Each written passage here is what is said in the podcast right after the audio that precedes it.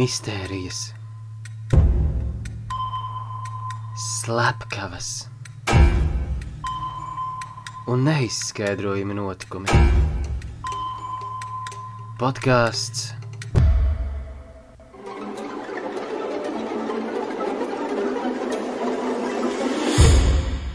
Radars.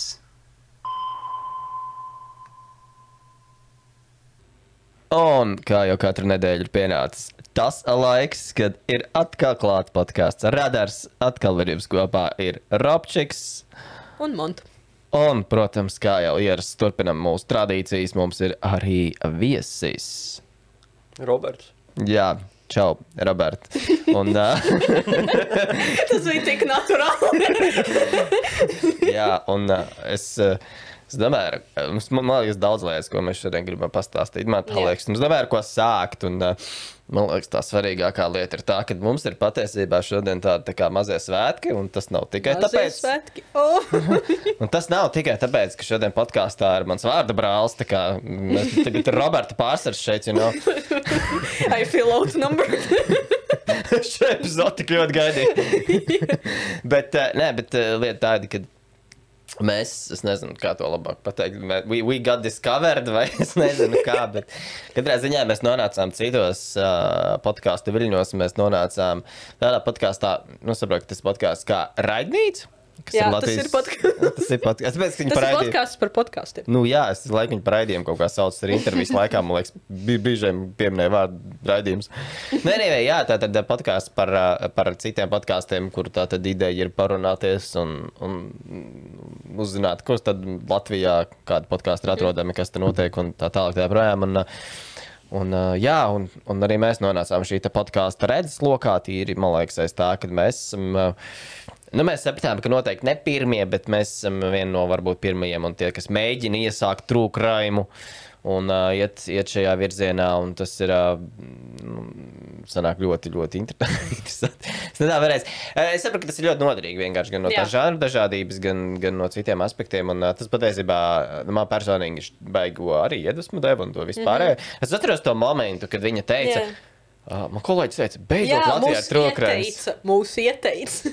Jā, beidzot, Latvijā ir trūkums. Man bija tāds, oh, ok, nu tad mums ir šis jāturpina vēl. Nu, kā, Jā. tas vēl lielāka būs iedeva. Un uh, otra lieta, kāpēc gaidīju šo interviju, bija tāpēc, ka es kaut kādas lietas pierakstīju, ko mēs tur diskutējām, ko vajadzētu mums padomāt arī par mūsu podkāstu, bet mm -hmm. pierakstīju notpadā. Tad man pārstartējās kompis, vai tieši, vai, nu, vai tīši, vai netīši, es neatceros, bet, nu, long story short, ja tu pārstartēji kompi, tad nav pats tev vairs nav. Un, tā kā, nu, vismaz tas, kas tur mm. bija rakstīts, un līdz ar to es pazaudēju visu informāciju. Tagad es varu noklausīties vēlreiz, un tāds, ah, tad mēs par šito runājam, mēs par šito varam padomāt, tā tālāk. Mm -hmm. Kuras tev atziņas par ā, mūsu pirmo interviju? uh, jā, uh, pirmkārt, tas viss bija ļoti, ļoti negaidīti, jo um, šī Nāca viņa, kas vada raidījumu viņa no Latvijas Rādio 2. Un viņa uzrakstīja vienkārši mūsu Facebook lapā. Un, jā, tas bija man īstenībā sākumā pirmā emocija vienkārši bija šoks. Ka vispār kāds mūs atrada, jo man liekas, mēs esam ļoti maziņi vēl tādā ziņā, tikai galīgi.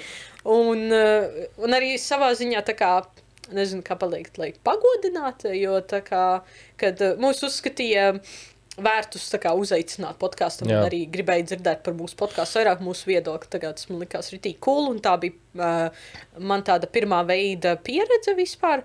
Uh, un jā, man ļoti patika. Uh, Dats tiešām forša, uh, forša sieviete, uh, ļoti gudra. Un, um, man patika viss tas arī intervijas process, ļoti nepiespiests, ļoti tādā vieglā atmosfērā. Un, uh, jā, mēs varam vienkārši parunāt par trūkumiem, kā žanru, kā par, par savu podkāstu. Un, jā, man ļoti patika.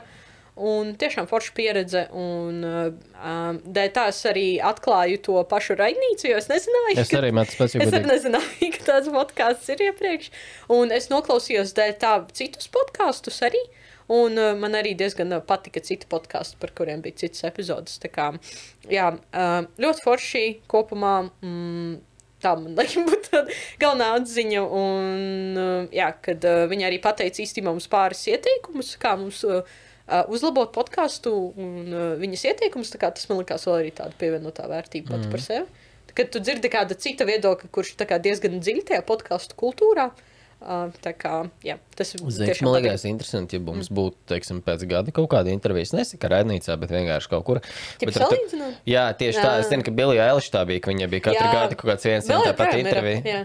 Un es neesmu tā sekojis lai- vairāk līdzi, bet. uh, Mm, vienkārši es pats jūtu, kā mainās kaut kāda tā, Jā. nezinu, domāšana vai lietas, ko mēs redzam pētot keisus, ka tagad tu redzi jau kaut kādas, uh, es aizmirsu vārdus, un sinerģiju, bet um, Tā kā um, sakrit? Saka, nes- nu, saka, ko, korelācijas. Ā, tieši, korelācija, korelācijas jā. jā. kaut kādas starp vienu gadījumu, otru gadījumu, Jā. un tu jau sāc kaut kādus pirms, varbūt te iekšā, te keisā, tu, man liekas, vairāk centies. nu, Es, es esmu tagad vairāk kaut kā cenšos. Uh, iezīmēt to tēlu, karakterizēt, apstīties, kāda viņam, nu, ja ir iespējams apstīties, kāda ir, nezinu, pagātne bijusi ģimenes tauks tā tālāk, un tur jau parādās daudz kas interesantāk. Uh, Robert, tev, tu esi dzirdējis mūsu interviju šobrīd, vai ne? Vai tev vēl nav sanācis? Jā. Uh, Kuru jā. interviju? Uh, Raidīts mēs noklausījām. Ah, nu, Roberts, ir tā, ka es arī klausījos kopā ar Montu, un bija tiešām interesanti. Es paklausījos, un ā, kā, kad Monta klausījās arī par pārējiem, ā, pārējos podkastus no viņas puses. Es arī pa, paklausījos, es biju turpat, jo es nekur tālu nevarēju tikt. Un, ā, tur tiešām bija ļoti interesanti kadri, piemēram, kā viens tas ā, mūziķis, kurš ā, arī paskaidroja par savu Ah, podkāstu. viņš par uh, metālkāstu. Es tā arī saprotu, un es arī pārēcos klausoties. Tas jānoklausās. Es neesmu metālkāsts vēl dzirdējis. Es gribēju, bet tā arī viņi nesu saņēmies noklausīties Dē, metālkāstu. tīri dēļ tā personības tā čaļa. Jā, viņš ir tā vienkārši personība ir leģendārs. bomba vienkārši. Okay, man būs ko klausīties. Jo es tagad, ko es sāku darīt, es ņēmu vērā uh, kind of Lainas ieteikumu, cik nu tas bija ieteikums. Bet iepriekšējā sērijā mēs. Uh, Uh, Lēna mums uh, kind of aizrādīja par to, ka mēs neskatāmies filmas, un tāpēc viņi ir advancēti tematos.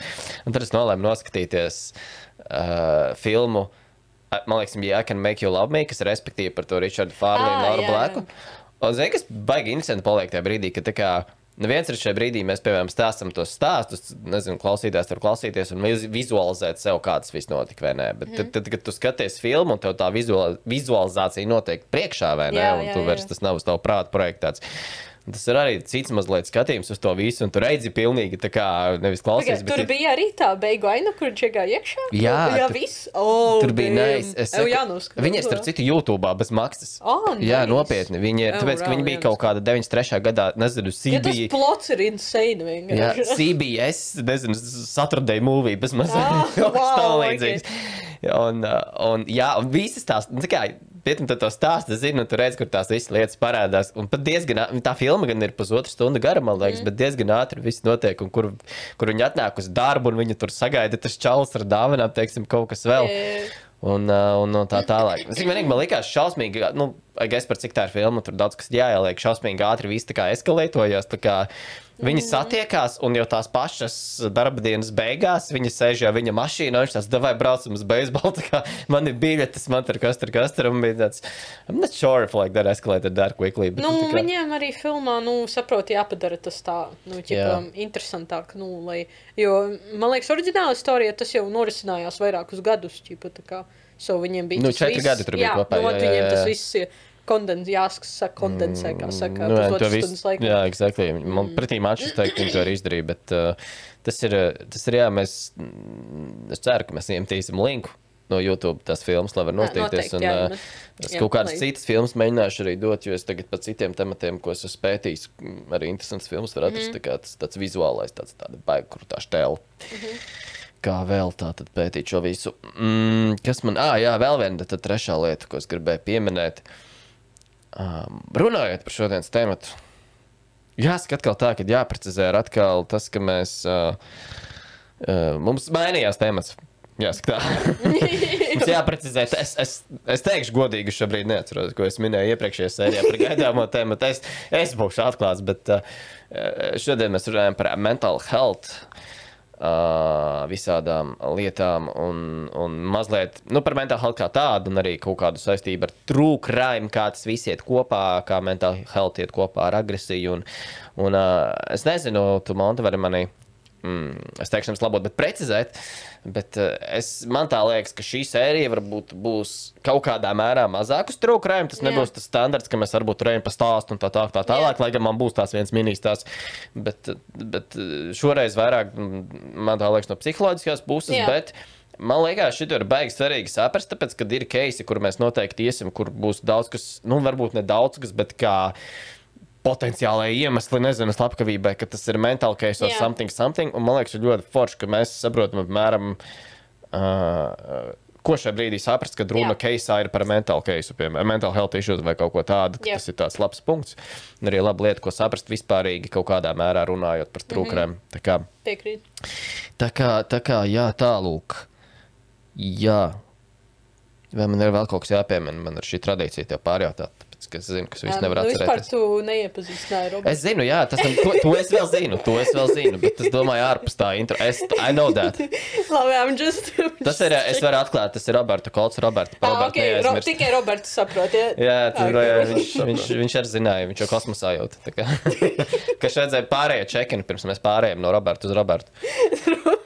Uh, bet uh, vispār, nē, um, jā, vienīgais par raidnīcu uh, vēlreiz gribu pateikt paldies Dacei par šo mums doto iespēju. Un, uh, jā, šodien tā tad vairāk par mental health, jeb garīgo veselību. Un runāsim par dažādām lietām saistībā ar to. Jā, bet, uh, Roberts, es pieņemu, tu noteikti noklausījies vai nosties kādā mūsu sērijām, un nu, tu noteikti vai varbūt zini, ka uh, mums ir tāda lieta, trīs lietas par viesi. Un, uh, nu, man tev arī ir jājautā trīs lietas par Robertu. Mm, Tik daudz neesmu noskatījies no podkāstiem.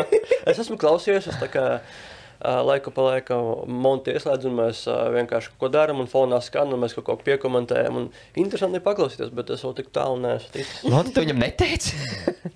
Es domāju, paldies, ka- surprise! surprise! Labi, trīs lietas par Robertu. Jā. nu, par tevi. Man pašam jāsaka, Jā. man nejūtās. Nē, tie... Nē, tev tagad var Pirmās, de, saprāt, pirmās trīs lietas, kas tev nāk prātā, kas būtu jāzina mūsu klausītājiem. Bet nu, tas ir tas, ko tu vēlēsies pateikt. Lai nav tā, ka mēs mazliet pasakām, varbūt kaut ko tādu, ko mums nevajadzēja teikt. You know, so, tāpēc mēs ļaujam viesim šo teikt. Trīs lietas par Robertu. Esmu, ok, pirmā lieta. Esmu ļoti atklāts. Es uh, visu daudzam, daudzam piekrītu. Daudzam piekrītu. Daudzam. Esmu atklāts, daudz kam piekrīt. Vēl, vēl, viena. nu, tas ir tas, kā atklāt, pie atklātā. nu, labi, tad vēl divas. Es esmu bijušais pavārs. oh, nice. Es biju vairākus gadus pavārs, Es vairākās to vietās. nezināju. Nē, es tev mākslinieks stāstīju. Robi, tu simpuģi ir stāstījis tikai šai izversijai. Tusiņu un tā. Alkohols. Tu saki, Robis ir cits Robi. Jā, nu, tad beigās Tā, labi, tad tu beigās esi atklāts, tas bijušais pavārs. Un, Un uh, man patīk adventures un ceļot. Un viss. oh, wow, jā, man arī. Šī ir piedzīvojuma garamīte, tik daudz par to tiek runāts. Bet jā, Gan jau vēl ieminēsimies par visām tām tēmām. jā, bet jā, es, ne, es pat um, pavāriem domāju. Es, tā, kā, kāds bez surprise. Nē, man ir bijis tā, ka es mūsu tusiņos, es zinu, ka man kāds kaut ko stāsta. kā Es atceros, ka mēs par to runājām, bet es neatceros, ko. Tas tā konkrēti par Robertu. Tas būs, es, es, es, uh, man, man liekas, Maris kaut ko stāstīja, ka viņai ir trauma bija. Un es atceros, ka mēs runājām par to viņas traumu un ka viņai tur kaut kas kājā bija kas. Bet kas notika, es vairs neatceros. Man liekas, tur bija kaut kāds sporta notikums vai kaut kas tamlīdzīgs. Bet kas, tas ir pēdējais, ko es atceros. Kā, es negribu izklausīties pēc kaut kāda alkohola. Tā nav vienkārši. Bet, uh, Bet es jā, sasmējos vienkārši, ka tagad es pieņemu, jā, tu man esi stāstījis, varbūt tāda lieta bija. Bet kas bija? Nu, varēs vēl kā tu sniņš stāstīt. Nu, ļoti labi skatāmies. nu, vēl kā tu viņu jaņu atkal, tu ne, nedzirdēsi neko. Nu, on the bright side vienmēr ir par ko runāt. Es tikai runāšu vienu to pašu. Katru reizi, katru reizi fakts. Tas ir, reāli, tas, ir, tas, tas ir the definition of insanity. Es vienkārši tev teikšu vienu to pašu lietu un cerēšu citu, citu apstākļu, Citu rezultātu. citu rezultātu. Es katrā reizē, ka šeit tu, nu. Tu biji pavāri. Man liekas, labi, tagad es taču to neaizmirsu. Bet ir bijis visādi, jā. Tā, labi, tad mēs ejam iekšā mūsu šodienas tematā. Es saprotu. Bet pirms tam es gribēju piebilst, kāpēc Roberts tieši ir viesis. Ā, šajā droši. Es droši. Bet, jā, tātad, kā jau es iepriekš minēju, mēs runāsim par mental health, jeb garīgo, jeb mentālo veselību šodien. Un kāpēc? Ok. Un kāpēc tieši. Es Uh, redzu, puķis vienkārši. yeah. Jūs, nice. Piedod, tu vari turpināt. Jā, Jā, um, par to mēs parunāsim vēl vēlāk. Jā, bet, um, jā, kāpēc uh, uzaicināju Robertu? Roberts ir man uh, ļoti uzturu uh, cilvēks, un mans līgavains, un viņam ir daudz personīgā pieredze. Viņam ir daudz uh, personīgā pieredze ar garīgo veselību un garīgām veselības dažādām uh, problēmām. Tā kā šodien vairāk uh, Roberts pastāstīs gan vispārīgi, gan arī personīgi no savas pieredzes. jā, es vairāk pas, pastāstīšu personīgi, kā tas ir dzīvot ar to un sadzīvot un vienkārši, vienkārši kā tas ir. Jo, eh, kā jau arī pateica Monta, eh, es ar to dzīvoju jau vairākus gadus, sanāk no, cik tu biji, 20, 20 gadiem, kādas 6, 7 gadi to būs. Oh, wow. Jā, tas, Tas ir tas, daudz. tas ir daudz. Un es esmu iemācījies ar to sadzīvot daudz maz. Es atgādināšu Robertu. Pirmo lietu par Robertu. Viņš ir atklāts. Tā kā respektēju to. Jā, man, nav, man nav tā, ka, oh, man pastāstīs kaut ko tādu, kas man sāpinās. Nē, ja kaut ko aizskars, nu, pats vainīgs, ka es runāju par tādām lietām.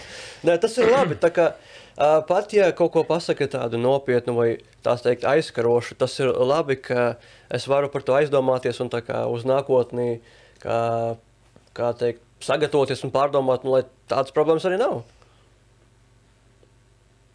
Yes. Es gaidīju, kad man kaut ko teiks. Es- Nē, es Tas domāju, vai tu gribi līdz kaut ko. Es vienkārši tā kā, es klausījos, ko viņš teica.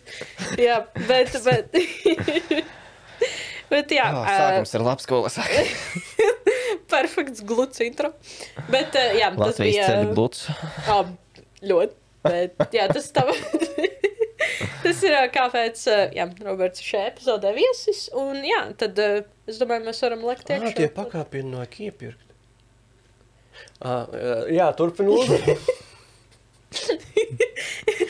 gets Fun easily fact. distracted. jā, Šī tas, bija mūsu rubrika Fun Facts. Fakts fan. Fakts. Jā, anyway, jā, plāns tā tad, kā jau parasti, man, nu, tas laikam nav parasti, bet tas ir šai sezonai parasti. Man iesāks mums tādu vispārīgo daļu, un tad mēs ķersimies klāt kaut kādiem stāstiem, trūkrēmam, personiskajām pieredzēm. Tā kā droši montu. Tā teikt, mikrofons ir tavs. Viņš nav kādreiz bijis. Nu, nē, nu ir jau. Tikai pirms tam teicu, ka skatu ir tāda, un tad es vienā, ed- nu, tagad es editoju epizodus, un es domāju, nē, pareizāk ir tā kā tavs mikrofons ir tā. Nu, labi, tas ir tas pats, bet, man liekas, nu, kā ar mikrofons ir tāds. Got you. do your mic drop thing, you know. Mic drop. Bet, jā, tā tad šodienas um, varonis, kā mēs sakam parasti, ir, uh, Mental health issue. ir mental health issues. Jā. Kas par varoni? Jā, Avenger un nākošais ir. Avengers versus mental health issue. Bet tu teici, ovenž? kas ir Avengers? Kas ir ovenž? Pirmā reize tāda dzirdu. Notiek. Kaut kāds krāsnes vienkārši ovenž. Tagad ir. Mums viss kārtībā, gaisdūri. Saucās sērija par mental health issues. Savu apropriēt. Pusērija, kas tas ir? Mēs par mental issues. Ak, Dievs. Nākošā runa pa krāsnīm. Trūkrēm krāsnes. Viņa kādas krāsnes? No! Oh, no! Pirmā sērija Ancīs un Grietiņa kāds mēģināja. The analysis. Kas? The analysis. Kā analīze. Jā. Ir pancīt un grietiņi. Ak, Tas bija tie, kas uh, gribēja izcept. Uh, Paga, nē, viņus, viņus gribēja izcept. Viņi- Jā, bet tā. tad viņi izcepa raganu. Jā. Jā, bet tai raganē bija māja no visādiem saldumiem. Jā, jā, jā, Tā Es, jā. kad biju maziņš, es sapņoju iekļūt tajā tajā raganas Jū. mājā. Es vienkārši gribēju apēst viņas māju. Jā, es arī. Tas vienkārši bija tā kā, ah, redz, Roberts sapnis. Tā, I guess it must be Robert thing, bet... Bet, uh, jā, coach, we get derailed hard. Tas Um, klusēšu. kas tev ir? Labi, tā tad. Mēs nofokusējamies no visa un jā, runāsim par, kā jau iepriekš teicu, mentālu veselību. Un tātad, lai sāktu par to runāt, es vispirms gribēju definēt, kas vispār ir ment, uh, mental health, jeb um, garīgā veselība. Tātad um, uh, es šo uh, informāciju paņēmu no CDC, uh, ko es pieminēju arī iepriekšējā epizodē. Tas ir kā amerikāņu slimību profilaks centrs, un um, viņi definē mentālo veselību, uh, tā ietver sevi mūsu emocionālo, psiholoģisko un sociālo labklājību. Tā, tā ir kombinācija. Tā joprojām domā par iepriekšējo tematu. Runā, viss kārtībā. Es, nē, nopietni, nav smieklīgi. Nav- Jā, viss kārtībā. Uh, bet jā, tā tad uh, ietver mūsu emocionālo, psiholoģisko un sociālo labklājību. Un um, arī, uh, man liekas, diezgan uh, svarīgi piebilst, um, kad mēs runājam tieši par mental health, ir, kad um, uh, slikta mentālā veselība un mentālās slimības tas nav viens un tas pats. Uh, un, jo cilvēkam var būt slikta mentālā veselība, bet viņam netiek diagnosticēta nekāda mentālā slimība. Tāpat uh, persona, kurai ir diagnosticēta mentāla slimība, viņa arī var piedzīvot fiziskās, mentālas un sociālas labklājības periodus. Respektīvi, nevajadzētu jaukt, kad vienkārši cilvēkam ir poor mental health, ja, um, problēmas ar mentā, mentālo veselību, un kad uh, reāli nu, ir diagnosticēts kaut kas tāds. Tos divus uh, vajag uh, atšķirt uh, terminus. Tas arī svarīgi, ka mēs runāsim tālāk epizodē. Um, Un, jā, un arī otrs punkts, ko es gribētu pieminēt, kas man liekas arī diezgan svarīgi, kad runā par garīgo veselību, ir, ka garīgā un fiziskā veselība tās ir abas vienlīdz svarīgas uh, veselības sastāvdaļas. Uh, tas ir tādā ziņā domāts, ka nevajadzētu fokusēties pilnībā tikai uz fizisko veselību, vajag arī skatīties uz kāda tev ir garīgā veselība, jo tie neizbēgami viens otru ietekmē savstarpēji. Un, uh, jo, piemēram, ja tev ir um, diagnosticēta depresija, tas palielina uzreiz lis, ris, lisku, Lisku. risku saslimt ar daudzu veidu dažādām fiziskās veselības problēmām. Īpaši tādām ilgstošām uh, kaitēm, kā piemēram diabetes, sirds slimība un insultu. Tā kā, jā, tas arī ir um, viens no punktiem, ko es gribēju pieminēt. Respekt, es saprotu, respektīvi, tad, tad uh, nu, fiziskajai veselībai, ne otrādi, mentālajai veselībai ir svarīgi sekot līdzi tikpat daudz, cik fiziskajai veselībai. Right? Jā, tā kā, mhm. Tā, Jā. tā, ir, tā spēlē ļoti lielu lomu. Un, uh, diemžēl ir tā pārsvarā, ko es arī redzu. Ja cilvēks, uh, ja tu, piemēram, cilvēkam pasaki, ka tev ir problēmas ar mentālo veselību, cilvēki to neuztver nopietni. Bet Jā. patiesībā ir tā, patiesība ir tāda, ka mentāla veselība ir ļoti nopietna. Mm, Dēļ mentālā, mentālas veselības var, uh, kā teikt, ja tu uztver labi sev mentāli, tad tā tu vari arī fiziski dzīvot labu dzīvi. Bet, ja nē, tad uh, mm, pretēs. Tas nav kaut kā saistīts ar to, ka fizisko veselību tu vienkārši vari redzēt, kad, eh, nu, teiksim, ja runā ar Jā. otru cilvēku, tu vari redzēt, ka viņam ir vajadzīga tā fiziskā veselība atšķirībā no mentālās. Un par cik vienkārši tu to redzi, tad tev tas visu laiku, nu, kaut kādā mērā tev tas laiku ir galvā. Mm. Mentālo tu neredzi, un tas tev no galvā, un tāpēc tu to tā nepamani. Principā ir tā, ja tā problēma, problēma neredz, problēmas nav. Jā, Jā, Vai- vot, precīzi, jā. Mhm. Vai arī tu sap, nezini, cilvēks salauza kāju, o, tu redzi, tu redzi, viņam sāp, tu redzi, ka viņam ir, ir problēma saucamā. Bet, ja cilvēks vienkārši liekas, ka viņam viss kārtībā, tas nenozīmē, ka viņam galvā viss kārtībā. Jā, es atceros, ka šajā bija mēs vienreiz draugu braucām tramvajā uz Juglu. un Viņam bija, man liekas, roka ģipsī, man liekas, vai kaut kas tāds. Un tā kā cilvēki bija, nu, kas ir forši, protams, jā, bet cilvēki bija tik maks, tā kā, nu, jauki pret viņu, es pret viņu, nu, tā kā, ķipa, tur baigi respektēja, ka nu, viņam, zin kā, tur bija ierobežota tā kustība roka un tā. Tas ir tas, ko tu saki, kad, jā, kad ir fiziski kaut kas, tu uz, uzreiz redzi, tā kā maks un tā tālāk, un to tik ļoti labi varēja ievērot. Tā reizē. Aha. Jā. Mm, jā, tas ir jā, viens arī svarīgs punkts. Un, um, runājot par to, ka, kāpēc vispār šīs um, ir dažādas mentālās slimības, te ir um, svarīgi pieminēt, ka um, nav viena tāda konkrēta iemesla, kāpēc ir mentālās slimības. Un otrs ir ļoti, ļoti, ļoti svarīgs punkts, um, ka tas ir ļoti personīgi. Uh, respektīvi, ja kādam cilvēkam ir, ir pāris lietas, kādi faktori, kas izraisa viņam mentālās slimības, tas nenozīmē, tas nenozīmē ka citam cilvēkam tādos pašos apstākļos parādītos mental health issues. Tā kā tas ir uh, ļoti svarīgi skatīties uh, individuāli. Bet, um, jā, bet runājot par tādiem, ja, iezīmējot tā diezgan vispārīgi, kas um, var veicināt šo te uh, mentālu slimību attīstības risku. Viens no tiem ir agrīna nelabvēlīga dzīves pieredze, piemēram, kāda trauma vai vardarbības vēsture. Un šeit ir uh, tieši vairāk bērnībā, uh, kad ir bijis uh, vardarbība, jebkāda veida. Uh, vai arī bijis vienkārši vardarbības liecinieks, kas arī var diezgan uh, ietekmēt. Un um, otrs ir, kad ir pieredze saistībā ar citiem uh, patstāvīgiem, jeb hroniskiem veselības stāvokļiem, piemēram, vēzi vai diabētu. Tā kā, jā, kā es iepriekš minēju, um, bieži vien šīs ilgstošākās vai hroniskākās kaitas attīsta mentālās veselības problēmas. Tagad tas arī ir viens faktors. Um, trešais ir bioloģiskie faktori vai ķīmiskā nelīdzsvarotība smadzenēs. Um, tā kā reāli smadzeņu pati uzbūve. Uh, tā kā arī Roberts, uh, tev, man liekas, arī Jā, es uh, par to pastāstīšu arī detalizētāk. Jā.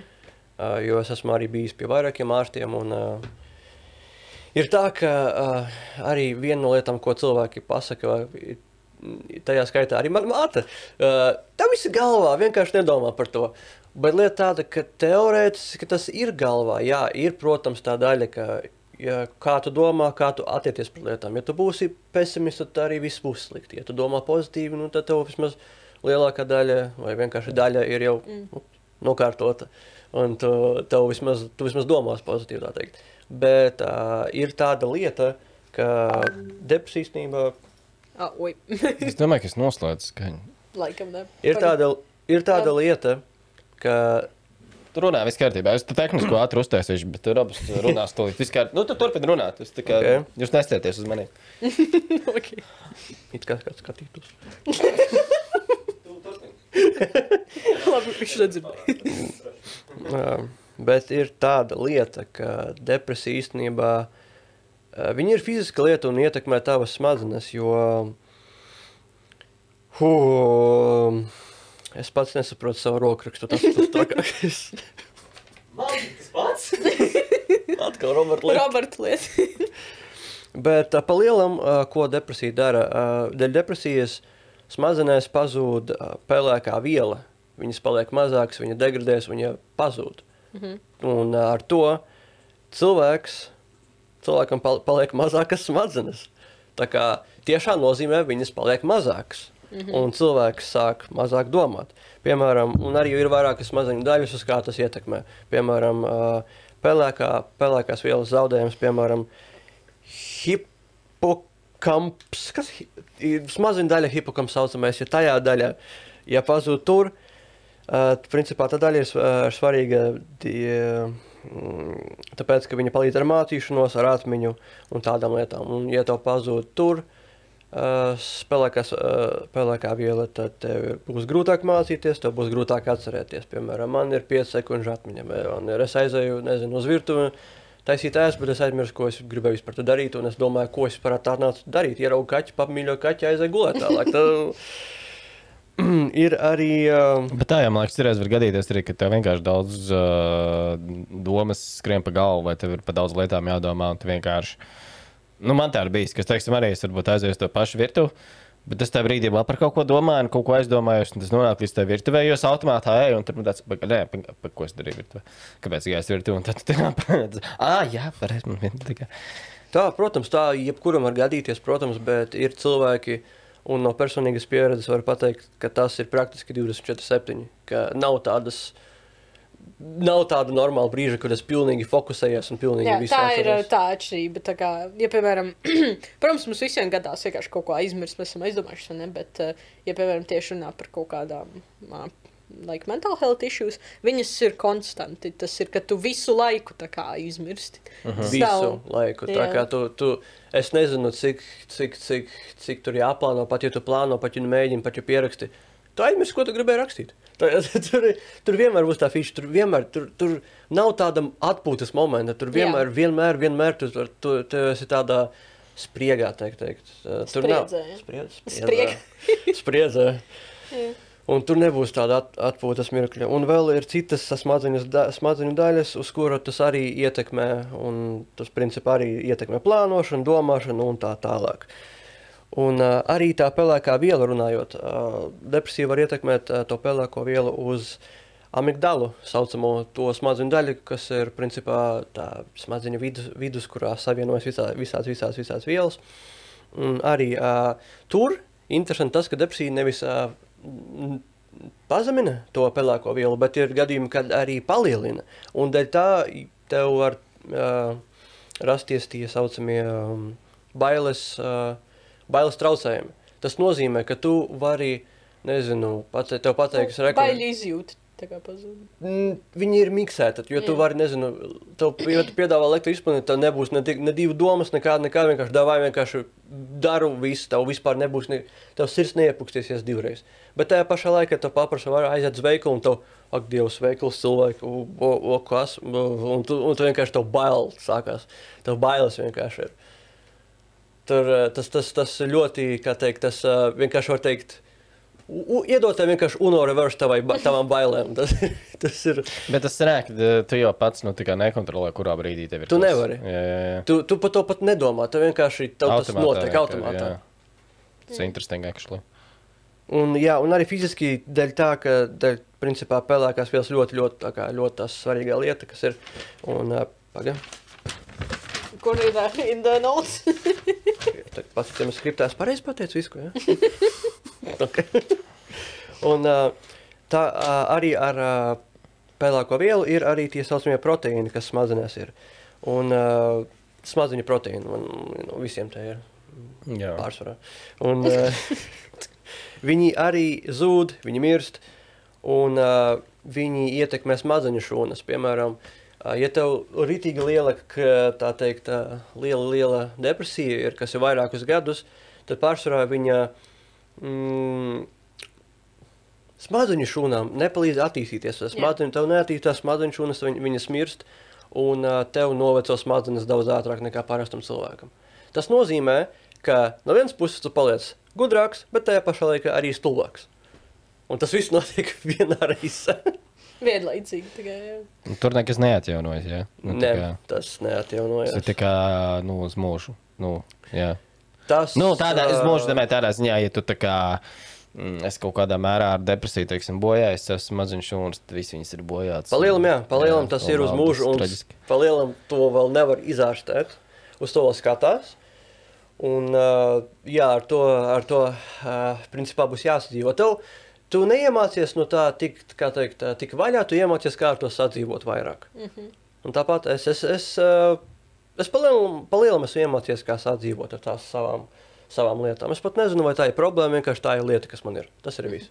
Jā. Jā, tas ir um, tieši vairāk no bioloģiskiem faktoriem, uh, bet jā, ir vēl divi faktori, kā mēs arī esam nedaudz iepriekšējās uh, epizodēs arī pieskārušies, kad uh, alkohola vai citu narkotiku lietošana noteikti ietekmē um, garīgo veselību, um, ne tikai fizisko, un vienkārši arī, kad uh, vientulība vai izolācijas sajūta pat par sevi arī uh, daudz ko ietekmē.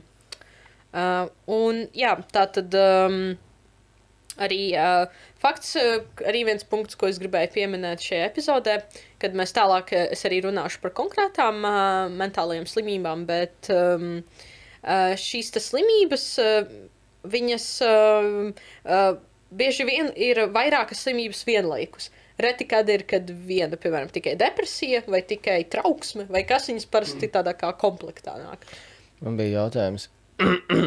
Tu minēji par alkoholu. Jā, Alkohols nav tā kā vairāk. Es nezinu, es vienkārši domāju, man var labot precizēt. Vai alkohols nesanāk kā depresijas vairāk pastiprinātājs nekā radītājs? Jo parasti man liekas, ka alkohols dzer tajā brīdī, kad, tā, kad tu jau esi daudz un tā tu gribi kaut kā sevi, nu, nezinu, uzska, nu, ne, uz, nevajag uzskačāt atpakaļ vai kā, bet nu, parasti alkohols ir tā tas, pie kā tu slīcini sāpes. Vot. Tu nevis esi radis eh, sāpes pie viņas, bet tu jau esi sagrozījies, tad gribi slīcināt savu sāpes, tad tu esi alkoholu. Un Vienkārši minēju alkoholu kā vienu no tiem iemesliem, tad es domāju, vai alkohols vai vairāk nav tas, kurš ir vairāk kaut kādā mērā kā papildinātājs, bet viņš nav īsti sāpju cēlonis vai no tā. Vai... Alkohols, uh, par to arī saka, ka alkohols uh, bojā dzīvības un tā un tā. Bet tas ir tāpēc, ka pārsvarā cilvēki nemāk dzert. Ja tu vienkārši nezinu, laiku pa laikam paņem savu glāzīti, tur rūmā un vienkārši noremdini savu, vienkārši vienreiz nedēļā vai dažreiz nedēļā vienu glāzīti, tiešām mazu glāzīti, uh, iedzer, atpūties, pa, paskaties kādu filmu, uz, uz, uzspēlē kādu spēli, tad, jā, tu, protams, ne, nekas nenotiek, tu ne rītīgākos mīnusos, tu nesāpini cilvēkus un tā, bet, ja tu pār, pārmērīgi lieto alkoholu, tad, jā, tev ar finansēm sāk palikt problēmas, tu paliec agresīvāks, un, jā, Tur- tur Nu, tā labi, un tā, nu, labi, tajā brīdī sākas depresija. Nu, ok. Ah, ok. I kind of Nu, ne, neteiksim, ka sākās depresija, bet uh, Nu, tas varbūt palielina risku dabūt. Tie- Jā, parasti jā, cilvēkiem, kuriem noslēdz ir uz alkoholismu, tas jau tā kā. Nu, principā, ja tev kaut kas jau tur kaut kas Jā. ir, lietojot alkoholu, tu principā Jā. tas ir saucamais antidepresants. un tie- Tā vietā, lai tev jā, meklētu savu pal palīdzību, uh Mhm, -huh, iet pie speciālistiem. tu Vienkārši, ej, man viss labi, zini, kā es neesmu nekas tur. Es es vienkārši ņemšu pudeli un dzeršu un bojāšu savu dzīvību. Es dabūju savu atbildi, jā, un tad noslēgt vēl dziļāk. Un vienkārši esmu lasījis, ka dažreiz uh, varbūt tas depresijas cēlonis vai kaut kāds cits cēlonis ir tas, ka tu vienkārši paliec nezinu, bez darba un tev vēl pa, pa, papildus problēmas sāks. Jā. Un tā tālāk, you know, like, tas vēl ir lielākā ķīslī. Ok, jā, tad es dabūju atbildi savu jautājumu, mm -hmm. turpināt. Jā. Um, jā, tātad tas bija viens punkts, ko es gribēju pieminēt. Un otrs punkts arī, ka es uh, bišķi vairāk pēc tam pieskaršos stereotipos vairāk, bet um, uh, ir tā, ka um, ir, um, kā jau iepriekš minēju, ļoti individuāli jāskatās uz šīm mentālajām slimībām. Un ir iespējams, ka dažiem cilvēkiem šīs mentālās uh, slimības var būt īslaicīgas un viņas pēc tam pazūd. Tas ir iespējams. Jā. Bet ir cilvēki, kuriem tā nav. Tā kā tu nevari īsti, ā, kā lai saka, ja, piemēram, vienam cilvēkam ir izdevies pārvarēt depresiju, un viņam tiešām vairs nav viņa, tu nevari visus pārējos ielikt tajā pašā kastē un redzi, šis cilvēks pārvarēja, tika pāri, tagad tev arī tam ir Jā. ķipa jātiek pāri. Kā, um, tas man liekas ļoti, ļoti, ļoti svarīgs punkts, kad uh, tu nevari visus likt tāda pēc kā tādas um, Vienā vien- maisā. vienas Tas, jā. mērauklas, jā, Jā, principā. vienam, jā, jā. Uh, tas, kad, uh, jā, ka tas, ka viens cilvēks var pārvarēt kaut kādu savu um, mentālo slimību, tas nenozīmē, ka uh, cits cilvēks var to pašu izdarīt. Starp citu, jā, šis teiciens nevar likt nu, visus vienam mēsā. Man liekas, mums šis katru sēriju parādās. Jo tas pats ir arī par, nu, ko mēs tagad lēnām saprotam. saprotam. Tas pats ir arī par noziedzniekiem, ka mm -hmm. tur arī nav kaut kāds vien, viena, nezinu, ka tu varētu salikt pa punktiem tagad uh, viena tipa cilvēks, yeah. kas ir noziedznieks, kam viņam būtu jābūt. Nē, viņš var nākt no sliktas vidas, viņš var nākt no labas vidas, viņš var, nezinu, viņam var būt mentāls problēmas, viņam var nebūt yeah. mentāls problēmas. Un tādā veidā, un tas pats tā kā, varbūt tā, varbūt šī tā, nu, tā kā tas daudz dažādu un Jā. situacionālu. Mm -hmm. Un, un, un, un atkarīgs varbūt dažreiz no tā, kā mēs vienkārši augam un kāda ir bijusi mūsu dzīve un kā viņa mūs ietekmēs. Apstākļi tā. tā tālāk. Ok, ej Jā. tālāk. Tā Jā, kā- vēl ir simtiem faktoru, kas var ietekmēt to visu. Jā, tas ir. Jā, es jau arī ar ko gribēju noslēgt. uh, Jā, ok. ta- Tas bija mēs jau ievadījām. jā, nu, principā, jā, tā bija tāda pēdējā doma pie faktoriem, kad, um, jā, šo, šīs te, ko es nosaucu, tie ir pāris, kas tādi ļoti vispārīgi, bet, uh, jā, uh, ja cilvēkam radas mental health issues, tā, tad tas ir bieži kombinācija no daudz, daudz dažādiem faktoriem. Um, Pēc šie, šīs mājaslapas avotiem, kurus iepriekš minēju, um, organizācijas, tā teikt, um, viņi klasificē vairāk nekā 200 dažādu mm, mental health issues. Tā tad um, ir ļoti, ļoti uh, daudz šo uh, issues, un viņiem ir uh, variācijas. Piemēram, viens un viņiem ir dažādas variācijas, tāpēc, tāpēc tik daudz arī ir. Jo zem uh, vienas ir vairākas um, variācijas tās slimības. Un tad, pirms mēs ejam pie konkrētām slimībām, uh, par kurām mēs vairāk runāsim, uh, es, es atradu vienu statistiku par Eiropas Savienību. Uh, kopumā no Eiropas, E- Eiropas komisijas mājaslapas. Un te ir teikts, ka Eiropas Savienībā vidēji viens no trim cilvēkiem savas dzīves laikā cieš no psihiskas vai neiroloģiskas saslimšanas. Tātad, ja mēs iedomājamies vienu no trim, tas ir nereāli bieži. Tas ir ļoti bieži. Un, un ļoti, no, ja mēs tā skatāmies, viens no trim ir kaut kāda mentāla ne? Bet tik mazs procents no tā actually kaut iet pie uh, ārstiem vai pie um, vai kaut kādā veidā mēģina to Vai vispār atzīst, ka tā Vai ir? vispār, jā, ka ir? atzīst, ka ir. Tas ir tas iemesls, kāpēc viņi neiet pie ārstiem, ka viņi vienkārši neatzīst, ka viņiem ir šīs problēmas un ka viņiem tāds, nē, man viss kārtībā, un viņi tur Tas ir vien, viena daļa. Uh, ir lieta tāda, ka cilvēki ir, man arī šito, man jāteica, cilvēki ir sociālas būtnes, mums ir vajadzīgi citi cilvēki. Gribi, negribēdami, mēs nevaram iztikt bez citiem cilvēkiem, bez citas palīdzības. Mēs, var, okay, mēs varam kaut kādā, kaut kādā izvirzīties un tā, un uh, panākt uh, to saucamo, uh, nezinu, finansiālo brīvību vai kaut ko, jebko tādu, vai ne? Mhm. Bet uh, tāpat tās uh, mēs, va- kā teikt, mēs varam sasniegt kaut ko, uh, būdam viena, bet mēs nebūsim uh, līdz galam līdzsvaroti, būdam vienam. Jo, kā jau teicu, cilvēki ir uh, sociāls būtnes, un mums vajag, mums vajag kontaktus, mums vajag runāt, mums vajag viens otru. Bet tas sanāk, ja tu, piemēram, esi tā kā nenormāli introverts cilvēks, kuram ir ļoti grūti socializēties ar citiem, tad tas var tevi arī kaut kādā, nu, sanāk, sliktā veidā ietekmēt, un var no tā aiziet arī depresijā. Jā, Jā. Būtam, būdams introvertam, tev tāpat tās vajag cilvēkus. Tev vajag vai nu runāt, vai nu sarakstīties, vai nu laiku pa laikam iziet. Es vienkārši ik pa brīdim, jā, es eh, ik pa brīdim satieku, vai es zinu pat cilvēkus, teiksim, arī bijušie kaut kādi kursa biedri, kuri es zinu, kur ir diezgan lieli vieni paši. Uh, savā ziņā, un tad tur viņiem dažreiz aizdomājies. Nu, viņi kā nekad nesūdzās par savu dzīvi no vienas puses, bet kā tā tur aizdomājies, kā tas uh, varētu. Nu, kā viņi tā, nu, labi, tas ir manis, es varbūt mazliet ekstravertāts, un tad es dažreiz aizdomājos, kā tur kā var dzīvot tik ļoti introverts. Ar samdīgu tas varbūt tās mans ir. Bet, uh, mm, bet jā, nu, jā nu, tas ir dzīvot. Nu, jā, bet tur man liekas, arī ir jāsaprot. Viens ir dzīvot tā kā. Uh, nu, Zinām, saka, dzīvot vienam pašam jau dažreiz ir krūti, jo tev ir baigā brīvība, bet nu, tas ir nu, tad, ar to domu, ka tu stili turpini socializēties, ka kā, tu neesi viens pats ar sevi, tu esi ar citiem nu, vienlaikus. Kā, mm. Jā, Man Tikai- ir, man ir bijuši arī draugi, man ir draugi, kuri ir bijuši introverti un dzīvojuši vienu un uh, darījuši visu vienu pašu. Viņi teica, man ļoti patīk tā dzīve, man patīk, patīk, būt, patīk būt pats par sevi atbildīgs. Man nav nekāda tā kā uh, baggages. Uh, un uh, viss forši, viss forši, jā, bet tajā pašā laikā tie cilvēki ir viena no visbēdīgākajiem cilvēkiem. Tie, kuri saka, ka pa naktīm gribas vienkārši raudāt vienam pašam, tie, kuri saka, ka tiešām nezinu, cik ilgi izturēs tā un tā. Tāpēc ta- tas ir ļoti interesanti. Introverti parasti saka, ka viņi, viņiem patīk būt vieniem, viņi, viņi ir būt vieni. Varbūt vienkārši viņi ir vieni, tāpēc ka viņiem labāk tā ir justies, bet viņiem varbūt nepatīk. Tur ir arī visādi, visādi. Tas Zings ir, man liekas, nu, viena lieta, kas man, es neteiktu, ka būtu kaina no pieredzes, bet, uh, nu, tā kā šajā gadījumā, kad stāst, man liekas, dažreiz vienam ir būt forši, tāpēc, ka tur viss ir pēc taviem noteikumiem, tev nav jāreķinās ar kādu citu, un tev neviens neko neaizdrādīs. Tā kā, nu, kad tu zini, ka tev nebūs no malas kāds kaut ko te sāks braukt augumā par, nezinu, kaut ko un tā tālāk, un līdz ar to tu sajūti vairāk brīvības sajūtu, un tu jūties vairāk komfortabli. Tā kā, zinu, tā ir tāda viena lieta.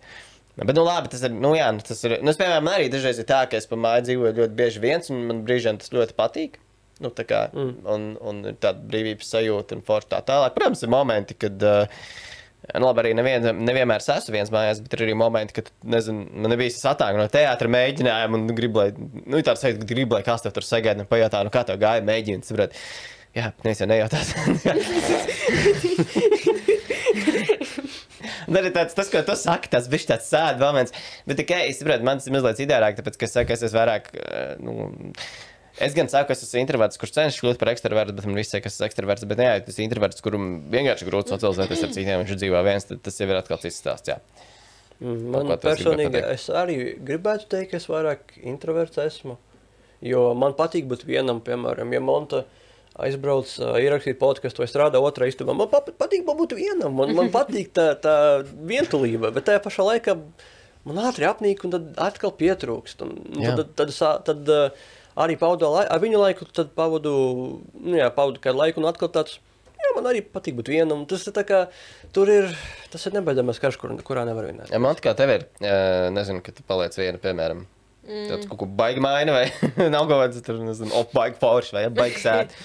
Nē, man ir tā, ka, jā, man liekas, diezgan veselīgi ir pabūt vienam. Ik pa laikam, man liekas, jebkuram cilvēkam, ja godīgi, vajadzētu Jā. kādreiz vienkārši pabūt vienam.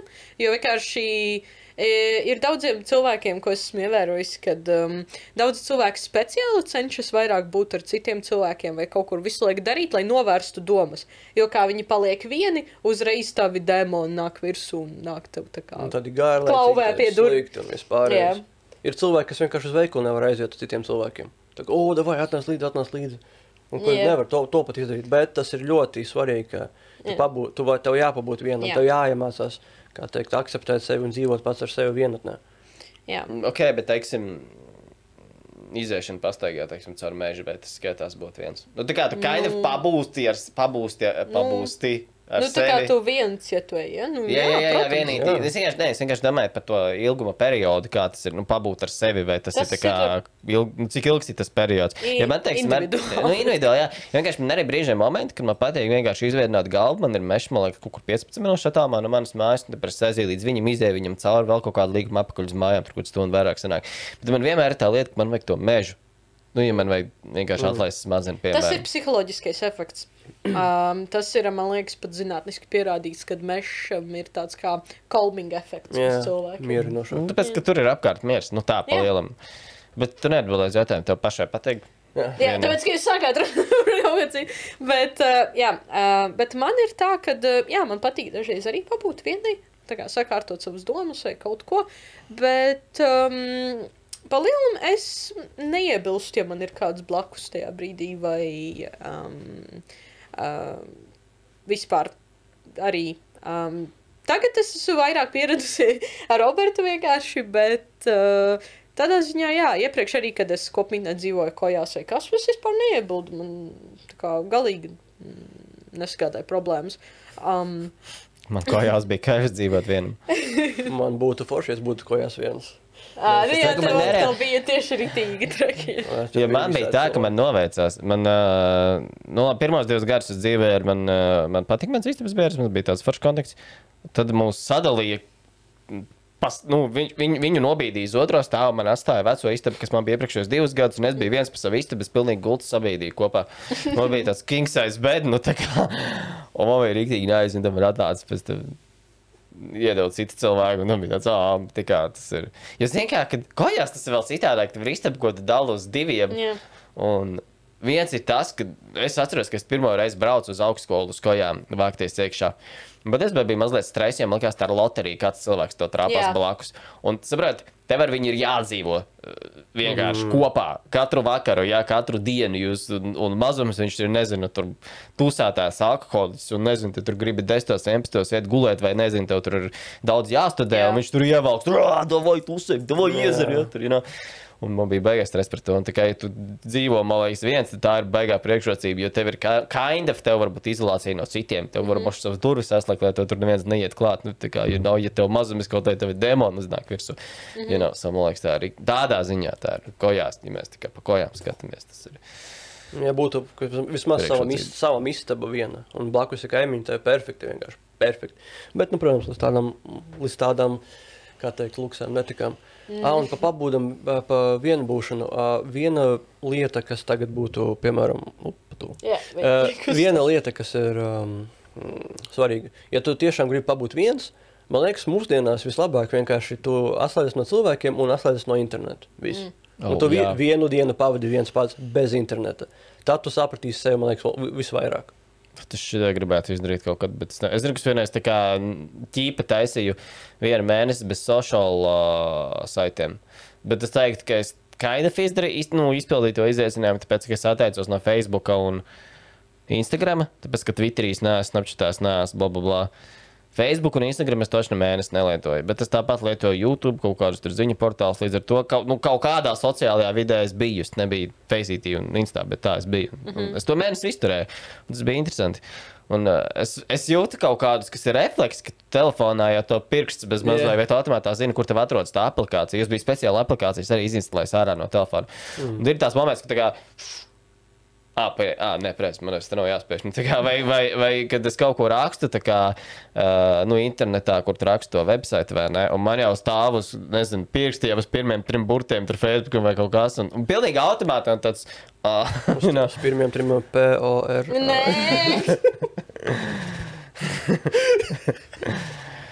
Oi, Uh, par to mēs citā sērijā parunāsim. atdomāj, nē. oh. Bet, ah, un viena lieta. Citā podkāstā, Roberta podkāstā. Ā, jā, Roberts pareizi, podcasts. Roberts. Sarunas.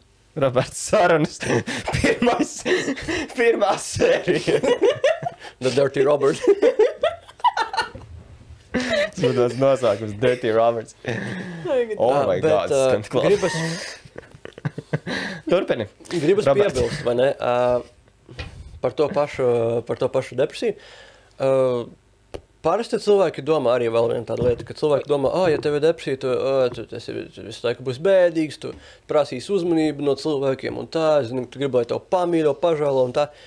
Bet lieta tāda, nē, nē, es personīgi esmu dzīves, priecīgs un uh, smaidīgs cilvēks, es jokoju par katru lietu, kas man ir, es vienmēr, vienmēr mēģinu saskatīt pozitīvu, negatīvā, un uh, es sākumā liku savu tā darīt, un tagad es vienkārši automātiski tā daru, un es smējos par katru sīkumu, es pff, reti kurš man vispār redzēs uh, nesmaidam, un labi, labi ok.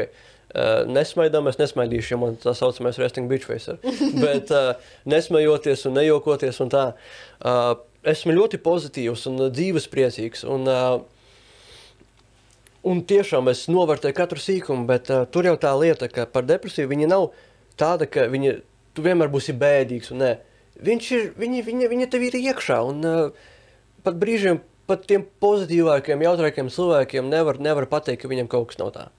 Līdz, Oh. līdz, līdz ir uh, Jā, man liekas, šis ir tāds. Robijs Viljams. Arī, nē, Robins. Robins. Es vienmēr jau Robin Robins. Robins. Tas bija reperis vai- vai Uh, singers? Rob, Robins Viljams ir dziedātājs. Bet Robins Viljams bija komiķis. Jā, Jā. Un, un, uh, jā, viņš ir viens, bet es dzirdēju par daudziem cilvēkiem, ka patiesībā tie, kas ir visvairāk. Mm, nu, tā kā nereti tie, kas ir smieklīgākie vai lielākie komiķi, ka viņi patiesībā dzīvo vislielākajā depresijā vai vismaz kaut kādā depresijā. Un, uh, tas ir jā, es piekrītu. Un, man liekas, tas ir brīžiem vienkārši kā izēja. Nu, kad tu meklē, man liekas, izēja no tās depresijas, ka tu vienkārši centies būt jauks un dzīvot jaukā vidē. Es Vienkārši man brīžiem ir bijis tā, ka es arī, man liekas, nereti esmu tāda jautrā persona, bet es cirēs arī pieturu pie sevis, pie sevis tāda doma. Nu, mēs it kā uzskatām, ka man nav depresija. Nu, dēmoni, protams, katram ir bijuši, bet mm, ka man nav tādā ziņā depresija. Es reiz arī domāju, ka vai tas humors nav saistīts ar to, ka iekšā ir varbūt kaut kāda sāpe, bet tu viņu tā kā baigi. Es neteiktu, ka tu baigi tur iekšā, bet tur to humoru diezgan kompensē. Un tev mm -hmm. ir tāds, lai klats bija nice. Un tā kā viss ir, nu, tā kā kaut kādā veidā nedomāsim par to visu jauku, visu foršu un visu jautru un davai un tādā veidā ejam tam pāri. Es nezinu, šobrīd kaut ko cenšos. Uh, No man, man to teica pieredzes. agrāk, pa, to teica, man pateica to, ka to sauc par nihilismu, bet izrādījās tas kaut kas cits- ir. Tā kā tā ir. Es tev to pat. Jā, tā, tā, tā, tā būtu. uh, principā man to teica tā, ka tā ir, tā ir actually lieta, ka tu principā pārvērsi savas sāpes par humoru un smejies gan par sevi, gan par citiem. Tāpēc tu vienkārši, vienkārši smejies. Bet patiesībā tev sāp. Ir arī, ir arī tāda lieta, kas ir. Uh, viņi ir. Viņi ir. Viņi ir. Jā, tā ir. Tā kā, tā kā, jā, es gribu teikt, vienkārši uzmanam visus, pat tos, kas ir ļoti pozitīvi. Kad uh, tur Jā. var būt deep inside arī kaut kas iekšā. un Kad tāds, pa... Tas ir atkal tas stāsts, kad uh, nereti trūkrējumā arī vainīgi ir tie, par kuriem tu vismazāk domā, ka tie ir vainīgi. Un tie ir tas pats stāsts, ka tā kā, loģiski jau primāri mēs, kā tu saki, žēlosim varbūt, vai uzmanīsim tos cilvēkus, kas ir visbēdīgākie un ģipā, visjautrākie. Tiem jau viss dzīvē ir labi, tā kā, jo viņi visu laiku smējās un joko. Bet, bet Es arī smējos un jokoju, bet uh, teiksim, Exactly. tā, tas ir. Es, es vienmēr es, es uh, dzīvoju pozitīvu dzīvi, man viss ir labi, man tiešām viss ir labi, man nav par ko sūdzēties. Bet tajā pašā laikā es brīžiem nevaru, nezinu, maksimālais trīs dienas no gultas nevar piesaukties. Tikai maksimāli aiziet uz tolti, uh, padzert bišķi, bišķi ūdeni un kaut ko, nezinu, varīt tolu dienā apēst. Trīs nedēļas. katrā, Trīs dienas. Nē, trīs nedēļas. Man bija ah, tu par Jā, to runā. Ah, Jā. sapratu. Maksimāli trīs nedēļas nogulēt vienkārši un nav spēka. Tu vienkārši trīs no tā, ka tev nav spēka, bet Tev, tu, tev tik, tu esi tik izsalcis, ka tu negribi ēst. Un, uh, tas vienkārši tas var uzsist. Un tu neko nezini, kā izdarīt, kā, kā tikt galā ar to. Tu mēģini sevi, tu pušo sevi, tu, tu grūdi, tu centies. Bet, uh, Wow. jā, tas ir. Uh, tu, pat mēģinādams, tas nav, tas nav tik vienkārši, kā, kā piemēram, cilvēkiem liekas, kā ah, vienkārši nedomā par to. Nē, tur ir uh, jāstrādā un jāstrādā un jāstrādā. Jā, def- Katrā ziņā jā, tas, tas var būt jebkurš cilvēks. Tu nevari pēc kaut kādiem kritērijiem domāt, šim viss ir kārtībā. Jā. tas var būt jebkurš. jā, definitīvi. Um, tas ir noteikti jā, viena, Atceramies to. jā, viena no lietām, ko mēs uh, gribējām pasvītrot šajā epizodē. Bet, uh, jā, atgriežoties pie jautrās statistikas. Um, uh, Ah, oi, kas? vien, viens no trim, uh, tu teici, uh, Eiropā, ja? Uh, ja Eiropas Savienība. Eiropas Savienībā. Ah, nu, ot, es atceros vienu lietu, sorry, ka patraucu, bet um, ir arī tāda lieta, kur es atradu internetā. Ah, vo, uh, pēc PSRS laika depresija. Ah, jā, tas vēl. Tas, principā, ā, tāda lieta, viņa, viņa nav klasificēta tā kā īsta, īsta tā kā oficiāla rītīga depresija, bet tā ir uh, problēma ar cilvēkiem, kas ir uh, tādi jau gados, mūsdienās, ir īpaši, piemēram, Latvijā, ja tu ievēro. Uh, cilvēki gados pārsvarā viņi ir uh, dusmīgi. Dusmīgi uz visu, dusmīgi par dzīvi, dusmīgi par to, ka tev ir labi, dusmīgi. Bet uh, es palasīju pa pē, pēc PRS, PSRS laika depresiju, un uh, es arī pamanīju, tas, ka uh, tur ir rakstīts, tas, ka tāda lieta, ka tā, tie apstākļi un uh, viss tas, kur, kur viņi dzīvoja, viņi ietekmēja. Tā, tie viņi ietekmēja, un viņi ar to netika galā. Viņi to neatzina. Viņi domāja, ka tāda lieta neeksistē. Un uh, tajā laikā arī par to nedomā baigi. Tā nav, tur nevajag nekādu palīdzību, es esmu stiprs, neko, ne, neko nevajag. Bet tajā pašā laikā uh, viņi to visu savas, savas, savas jūtas, savas domas, viss, kas, uh, kas viņu ietekmēja, viņi netiek ar to galā, un tas pārvēršas par naidu, par dusmām, par alkoholismu. Piemēram, tāpēc arī tu tik daudz redzi cilvēkus. Tiešām negribas kategorizēt vai teikt, ka visi tādi, protams, ir visādi, visādi cilvēki, bet diezgan daudz esmu sastapies cil- cilvēkus, kas vienkārši ir vienkārši naidīgi. Ne par ko, ne par, ko, ne par šo vienkārši naidīgi. Un tas iemesls ir uh, tas, ka viņi vienkārši izdzīvoja to PSRS laiku, un tas PSRS Ne, nestrādāja ar sevi. Vienkārši domāja, ka viss ir Tā kārtībā. ideoloģija. Jā, tā kā Jā. esmu stiprs, esmu liels un, jā, un tajā pašā laikā vienkārši nodara visu naudu un Jā. sabojā ģimenes un visu kaut kā tam līdzīgi. Un uh, vienkārši dusmīgi. Es- Un nezinu, nezinu, kur tās dusmas likt. Es vienkārši aizdomājos par to, ka PSRS jau faktiski nu, viņiem bija mazliet metode, ka maz, man liekas, viņi tā mazliet iebēdēja tautu. Jo tu, nu, tev bija jādomā par ko tu saki un par ko tu runā tajā laikā. You know, so, un tā ir, man liekas, sava veida trauma. un tā Kā, Arī. Tā ir. Jā. Tā Jā. kā tu nevari runāt, tev, tev joprojām cilvēkiem gan jau bailes vienkārši iet kaut kur runāt par to. jā, exactly. Un, un tas tev ietekmē, un ja tu izēji tam cauri, un tad loģiski, ka tev ir kaut kas iesēdies. Un, Un tas ir smadzenē iesēdies, un tad brīvā kaut kādā nu, valstī jau tev tāpat. Nu, tas ir, man liekas, pat tāds vienkārši pašaizsardzības instinkts, ka tu vienkārši negribi nevienam neko teikt. Šis man atgādina mazliet to Zigorda drēmaņa gadījumu, kad mm. viņš bija tikko no cietuma iznācis. Man liekas, viņam arī bija tāds vienkārši pašaizsardzības instinkts, ka viņš ar nevienu negrib runāt, jo mazums viņš pateiks kādam. Kaut ko, eh, ne, pateiks kaut ko kādam, kam viņam to nevajadzēja teikt, viņam viss atkal sagriezīsies. Tad Jā. viņam ir tāds, es labāk nesaku neko. Es tik, tikko es tur nāvi satikos bez mazliet, you know. Mm -hmm. Es uz to pusi pat negribu skatīties. Es labāk klusēju. Mm -hmm. you know, like, so, nu, jā. Jā, uh, piekrītu. Uh, jā, tu vēl kaut ko gribēji? Uh, pieminēt? Es gan jau atcerēšos. Pagaidām, es Kaut kur pa runāt. Klasika.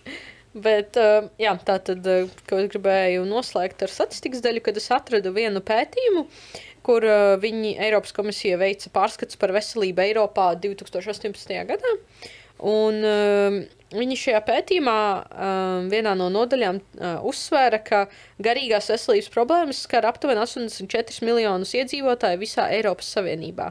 Un tiek lēsts, ka garīgo slimību kopējās izmaksas 28 Eiropas Savienības valstīs pārsniedz 4% no IKP, vairāk nekā 600 miljardi eiro. Tā tad uh, jūs varat iztēloties, cik uh, actually daudz resursus patērē um, nu, ārstēt savu mentālo veselību. Tā kā Tas arī bija viens no pētījuma rezultātiem. Un, jā, un te, uh, protams, arī ir, uh, šis ir sanāk veikts tieši pirms pandēmijas. Sanāk, un loģiski, tagad, ja mēs varam vēl pandēmijas sekas vērā, tā tad, diemžēl, bilde ir vēl, vēl drūmāka. Pandēmija plus vēl karš. You know, like. Jā. Tā kā, Cilvēkiem ir vairāk laika tā, ka teikt, būt ar sevi. Mm. Un arī, piemēram, ļoti, ļoti bieži dau- daudzos gadījumos cilvēkiem, cilvēki strādā un novērš uzmanību no savām domām. Tāpēc Jā. ļoti daudz vienkārši strādā, strādā, strādā un pārstrādājas. Ir īpaši Latvijā, un viņiem nav laika padomāt. Bet dēļ pandēmijas ļoti, ļoti, ļoti, ļoti daudz cilvēki, vispār ne tikai Eiropā, bet valstī, viņi tiek, ā, tiek nezinu, atlaisti, viņi sēž mājās, viņiem ir laiks pavadīt, ko viņi, ko viņi var pavadīt tikai ar sevi, vientulībā. Un, Un jā, es ļoti, ļoti varu iedomāties, ka tie skaitļi, ko tu pateici, mm -hmm. nu, būs daudz lielāki. jā, noteikti es pat reizinātu ar divu vai trīs. Tā kā, jā, tas ir viens arī tāds uh, faktors. Um, un, jā, tāpēc arī um, gan Eiropas Savienības līmenī, um, man liekas, uh, ir vairākas programmas, gan arī Latvija pati tagad um, uh, veido vairākas mentālās veselības programmas. Varbūt jūs esat redzējuši reklāmas, piemēram, viena bija ar to maizīti, man liekas. Es nezinu, kas viņa bija kaut kāda maizīte, un tad viņa arī tā kā runāja par depresiju. Uh, tur stāstīja, kas ir depresija. Kas, jā, tur bija reklāmas kampaņa reāli. Es vienkārši neatceros. Bet, okay. uh, pilns. Um, bet, jā, tā kā Latvijas valsts arī tā kā, nu, var redzēt, ka mēģina vismaz. Tagad gribu kaut ko. Maize ir labi, jā. Mums ir mājās maize. Būs jānopērk vēl. Nopirksim vēl maizi. Davai. Davai. Ah, nē, bāc. Es gribēju teikt, ka teorētiski jums varētu kādreiz atvest mājās cepti, bet viņi Ah, jā, cepti. Bet viņa, viņi... viņa tētis ir maizes cepējs. Ah, Es jau pasauļu cepu maizi, vai es viņai arī esmu roksīs cepu maizi. Ah, tad, ah, tad jums ir šī fīša. Jā, es, es ēdu. am- Par visu padomu. I'm, I'm a offense. Bet, bet jā, um, un jā, tā tad um, šis noslēdz tādu kā vispārēju apskatu par mentālo veselību. Un tad uh, tagad um, es pastāstīšu par uh, pāris uh, konkrētām mentālajām veselības problēmām un traucējumiem. Un uh, šo es ņēmu no Medical News Today. Un eh, šeit, em, pēc šī ziņa avota, eh, mentālās veselības, mentālās slimību veidi sadalīti trīs eh, tādās kā lielās kategorijās. Ir tātad šīs te trauksmes, jeb anxiety, tātad traucējumi. Viena grupa, tad ir eh, eh, garastāvokļa, nu, jeb eh, traucējumi, un tad atsevišķi vēl ir šizofrēnijas traucējumi dažādi. Un eh, es kā, par katru pastāstīšu grupu, un katrā pāris no slimībām, jo, kā jau es, es iepriekš minēju, ir vairāk nekā 200 dažādas uh, mentālas slimības. Tā kā, nu, loģiski pat, ja mēs gribētu, mēs šajā podkāstā neiekļautos, ā, pastāstīt par viņām individuāli katrām. Bet eh, es pastāstīšu par tādām, kuras ir eh, visbiežāk sastopamas. Un viena no tām, kas ir ļoti, ļoti bieži sastopama, ir uh, ģeneralizē, ģeneralizēta trauksme, jeb generalized anxiety disorder, uh, saīsinājumā uh, GAD. Un um, Amerikas Psihiatru asociācija definē šo slimību kā nesamērīgu satraukumu, kas traucē ikdienas dzīvi. Tātad um, šeit atkal tiek pasvītrots tas, ka, uh, protams, mēs katrs ikdienā izjūtam kaut kādas uh, trauksmi vai kaut kādu, nu, nezinu, satraukumu, vai mēs diezgan nervozējam par kaut ko. Bet, ja tev ir reāli trauksme, tas ir svarīgi, ka tev viņi ir tādā kā ilgstošā laika periodā. Tas nav, ka tev viņa vienkārši ir, um, nu, tā kā uznāk ik, pa laikam. Um, tas ir svarīgi, ka tu viņu izjūti tā diezgan konsekventi, es teikšu. Bet tāds ilgstošs nemieris, nu, tādā ziņā, ka nu, viņš nu, kaut kādā mērā pasīvs. Nu, nu, tas tev uz ārā neiznāk, bet iekšā jūt, ka ir visu laiku iekšējais nemieris, vai tas skaitās. Tas var arī ārā iznākt. Tā, piemēram, ā, tā trauksme var ietekmēt, personīgi var pateikt, tā var ietek, ietekmēt kuģa darbību, un dēļ tā tev paliek slikti, tu nevari pāriest, tu neko īsti nevari izdarīt. Tā kā, tas ir sliktos gadījumos, tiešām tā kā stipros gadījumos, kad tev Jā, tiešām ok. tā kā stipri. Parasti tu visu laiku. Visu laiku uztraucies, visu laiku domā, visu laiku pārdomā, vai tiešām vai vajag, vai kā, un tā, vai mm -hmm. es iegāju pareizi, nezinu, kaut kā šajā istabā, vai, vai jebko, bet uh, tas var fiziski arī ietekmēt. Jā, Nē, es vienkārši domāju par to, ka man ir brīžiem bijis tā, ka ir teiksim, tāds ilgstošs, bet Es aizmirsu vārdu. Uh, neizskaidrojams, ne- iekšēji tāda trauksme. Bet, mm -hmm. tā, nu, neizskaidrojama tādā ziņā, ka, es nezinu, tas īstais vārds, bet, kad, uh, nē, nekontrolējama. Mm -hmm. Vai kaut kā tā. Nu, kad es saprotu, ka man, es nesaprotu, kāpēc manī tā trauksme ir iekšā. Nu, kaut kāda. Bet Viņu zāle nekādīgi neiet, bet es jūtu, ka es iekšēji visu laiku esmu tāds saspringts. Mm -hmm. Nu, tāda veida trauksme. Nav tā, ka es varbūt baigi trakot, bet jūtu, ka es tā kā pilnā mērā arī neesmu. Kad kaut kas, kaut kas tur tā kā iekšā ir. Un tu nezini, kāpēc. Un pat brīžiem tev liekas, ka nevajadzētu galīgi būt tam, bet ir nu, tāds. Es vienkārši par to aizdomājos. Jā. Tas saistās. e, iespējams, jo šī tiešām ļoti, ļoti bieži ir mentāla slimība. tā Kā, um, bet ar, atkal, kā es arī iepriekš minēju, ja tas tev traucē ikdienas dzīvi, uh, mm. respektīvi, ja tu izjūti šo ilgstoši, bet ja viņi tev netraucē dzīvi, tu tiec pats ar to galā, tad palielinām viss kārtībā. Bet, ja tu sāc just, ka tev viņa reāli traucē ikdienas dzīvi un tev nevar izdarīt izdienišķas darbības, tad e, es ieteiktu vērsties jau pie Nu, speciālista. piemēram, tu nevari aiziet uz dušu, tu nevari uztaisīt savu pāriest. Tas- Tu nevari pāriest. Nu, tu vienkārši nevari tādas Nu, labi, ja tas simple tādās problēmās. Jā, jā, jā, ok. Tā kā, jā, ā, noteikti arī ā, klausītāji, ja jūs ā, jūtat, ka ā, jums ir grūti paliek ā, veikt kādas ļoti ikdienišķas darbības, noteikti vērsieties pie speciālista. ā, Vai arī ā, mēs pēc tam ā, ievi, ā, gan. ā, Es domāju, mēs viņam atsevišķu postu uztaisīsim ar to. Mēs ieliksim pieejamos resursus, kur jūs varat vēsties pēc palīdzības un uzzināt vairāk par dažādām mentālajām veselībām, veselībām mentālajām slimībām. Tā kā, jā, Un tas būs gribas, pie, gribas piebilst, ka mēs neviens neesam varonis, mēs neviens neesam nekāds terminators. Mēs esam cilvēki, mēs esam sociāls būtnes, mēs esam vienkārši liels skudrs, tā teikt. Mēs esam daļa no liela, liela, liela, liela pūļa, tā teikt. Mm. Un īstenībā arī viens iemesls, kāpēc tie tagad šajos gados var redzēt daudz lielāku paaugs, pa, paaugstinājās tas depresijas līmenis. Tāpēc, ka cilvēki paliek vien vairāk un vairāk antisociāli. Piemēram, dēļ visiem, piemēram, es negribu būt tas tagad konspirācijas teorijas, bet dēļ visiem arī sociālajiem mēdījiem. Un tā cilvēki vairs nemāķi komunicēt viens ar otru. Cilvēki nerunā ar otru, viņi neiet uh, pagalmos spēlēties viens ar otru. Un, uh, Viņi vienkārši nemāķi komunicēt, un daļai tās komunikācijas viņi nerunā. Un daļai nerunāšanas viss, kas viņa, viņos ir, paliek viņos pašos. Un ar to viņi nevar atrast palīdzību, jo viņi nevar pa paprasīt, kā viņi nemāķi paprasīt palīdzību. Un ar to viss aiziet vienkārši dibināt, tā teikt, turp sakot. Nav kaut kāda saistība ar to, ka vai fake news vai kas, vai kaut kāda. Uh, kaut kādā mērā tiek propagandēts, man liekas, uh, lietas, kas tev liek nobīties no visa. Nu, kad, uh, tas šobrīd, man liekas, tāds laikmets ar visu internetu, fake news un vispārējo, kad viņš uh, tev liek baidīties no lietām, un tāpēc tur ir kļūst antisociāli, nu, antisociālistiskāks, tāpēc, ka tevi burtiski vienkārši iebēdē, jo, re, kur man liekas, tās ir slikti, vai tās ir bīstami, Nu, tās ir bīstami, vai nē, un mm -hmm. ej, tu sazini, kāpēc es saku fake, tāpēc, ka ej, tu sazini, citreiz ir cilvēki, kas salsās, es atvainojos, bet pilnīgāko sūdu un uztver to nenormāli nopietni. Un tāpēc viņi iet kaut kādās depresijās par lietu, kas vispār nav nemaz reāla. Un, bet tu esi Jā. mākslīgi tagad iebiedēts. Un tāds, un tas ir, nu, tā ir nopietna problēma. Tā kā no malas tās liekas, varbūt nekas jau tāds, bet man liekas, tas ir. Nu, re, kur mēs paliekam, mēs, vien, mēs paliekam aizvien trauslāki, aizvien vairāk iebiedētāki. Un, un mēs vien mazāk socializējamies. Un, re, kur Roberts saka, kas notiek tālāk, tas iesiet vēl lielākā Jā. dibenā. Galvenais ir nebaidīties. Pat ja ir bijusi kaut kāda slikta pieredze, tam ir jātiek pāri un jāiet tālāk. Vienmēr ir jāiet tālāk. Tu nevari palikt uz vietas. Ja tu paliec uz vietas, tu zaudē, un tu neko visu, tu zaudē, principā.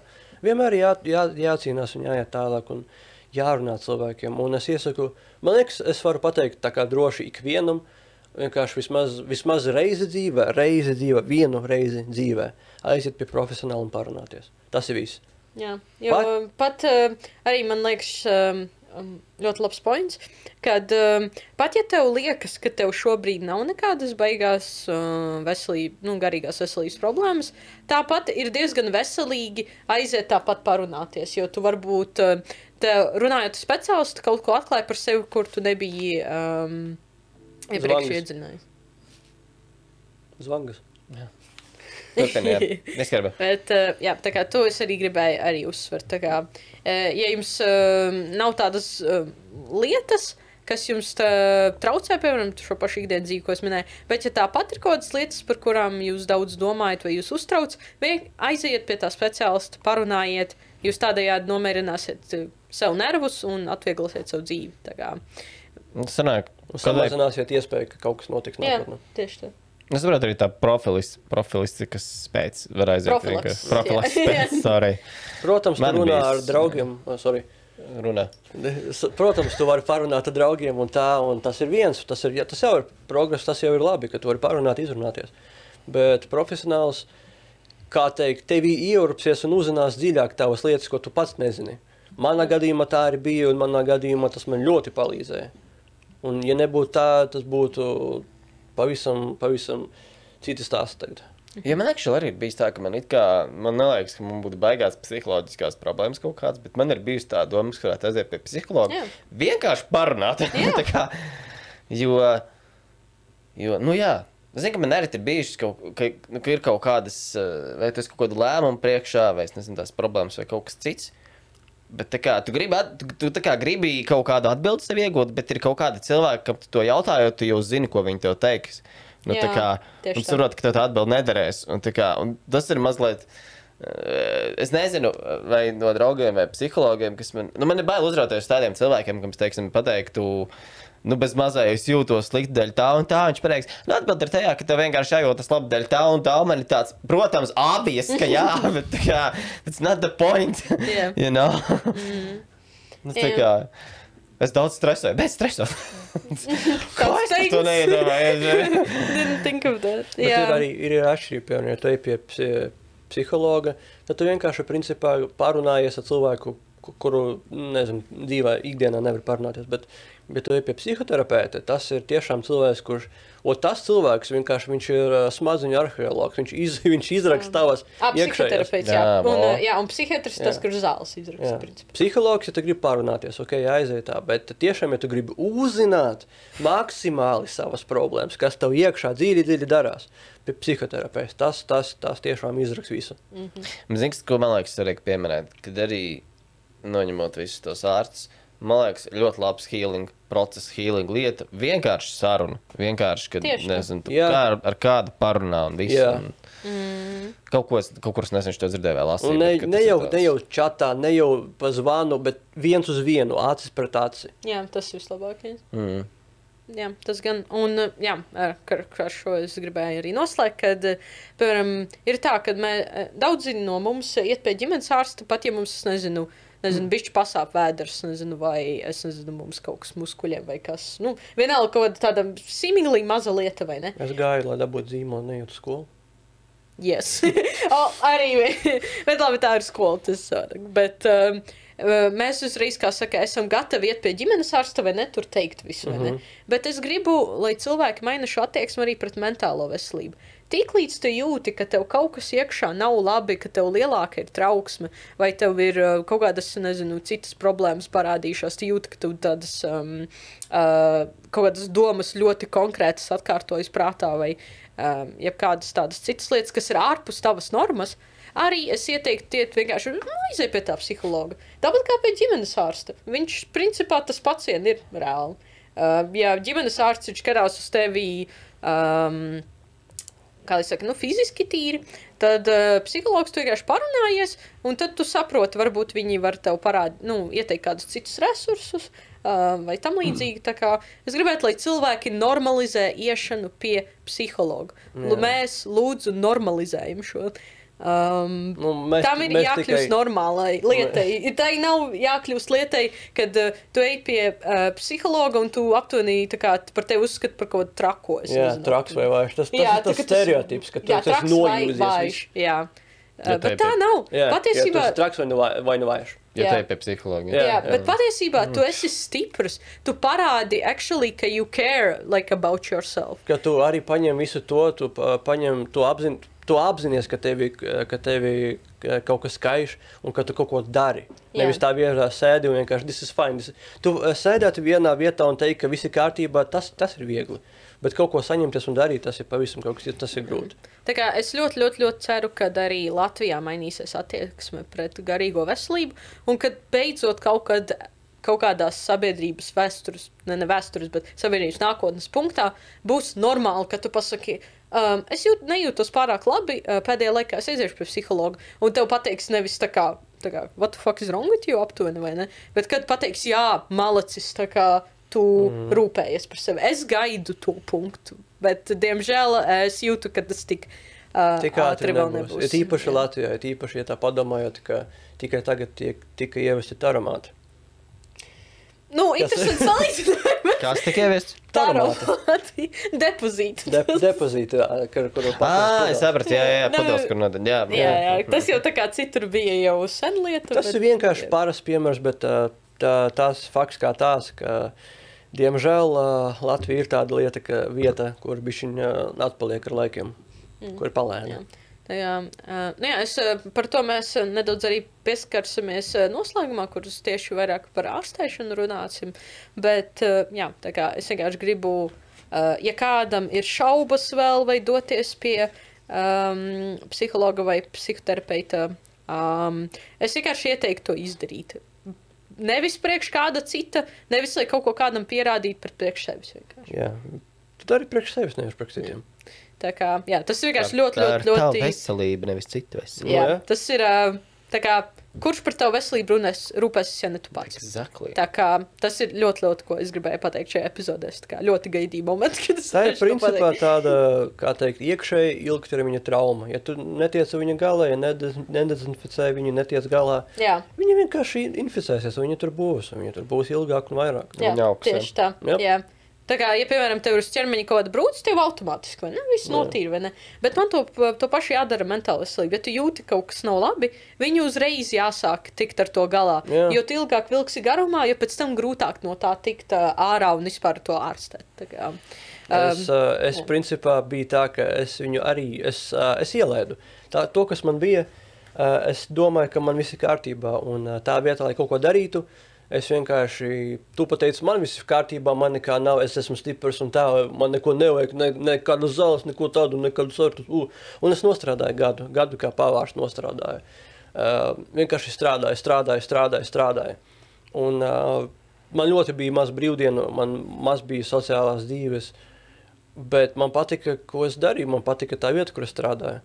Bet līdz punktam, kad es vienkārši nobruku, un tas viss vienkārši tiešām, tiešām aizgāja tik tālu, ka pipets, pipets. jā. Nu, kad pats nevar vairs tikt. ar Jā, vienkārši vispār nevaru. Tad bija, tā, o, tad bija tas punkts pēc tās nostrādāšanas, kad gadu nostrādāju. Es trīs nedēļas nogulēju, es vienkārši neko nevaru izdarīt. Neko, vienkārši neko. Jā. Labi, Mata. Jā, Tev, tas ir uh, viens, vienkārši, ko es gribēju uh, pateikt atsevišķi. Bet, uh, jā, tā tad, um, nu, tas bija par, ko es iepriekš minēju, Jā, par trauksmi. jā, trauksmi. trauksmi vispārīgi.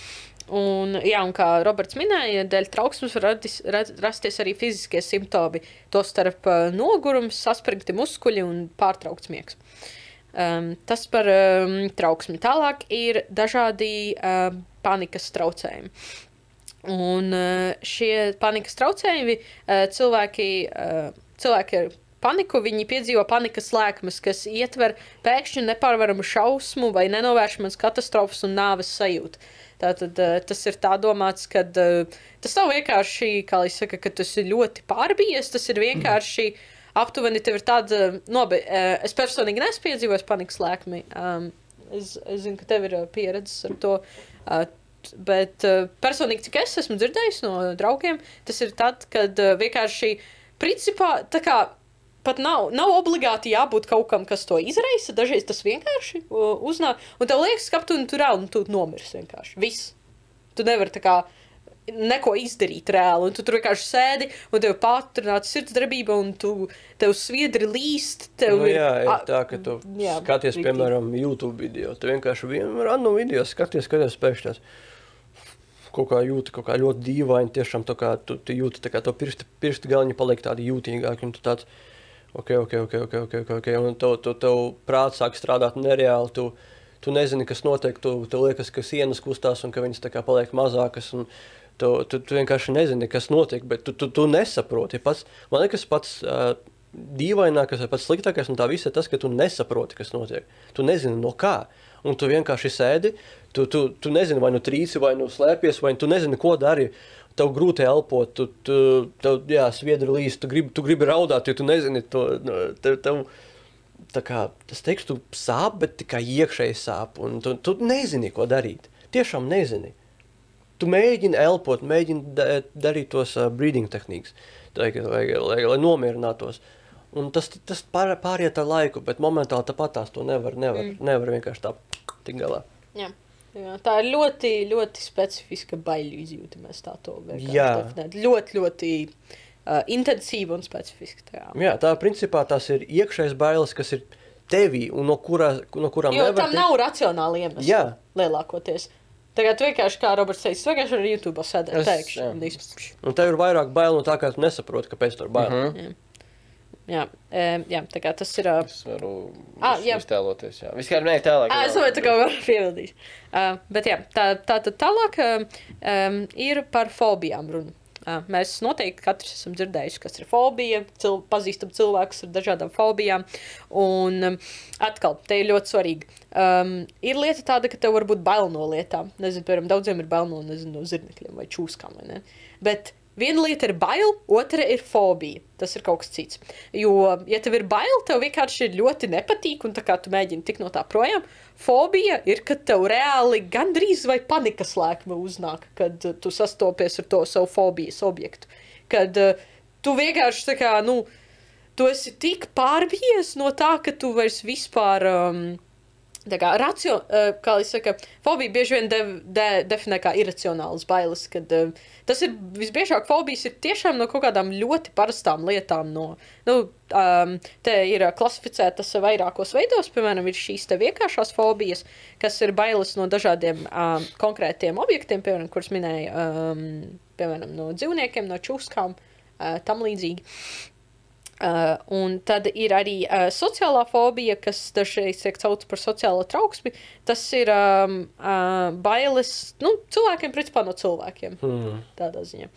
Um, un tad ir uh, arī atsevišķi agorofobija, kas ir bailes no situācijām, no kurām var gļūt, grūti izkļūt, piemēram, liftā vai um, atrodoties. Um, Piemēram, vilcienā vai arī kaut kādas šaurās šauras vietās. vietas, jā, tā kā Ālas arī, teiksim. Jā, jā, tā kā jā, tas ir, um, um, ko es gribēju.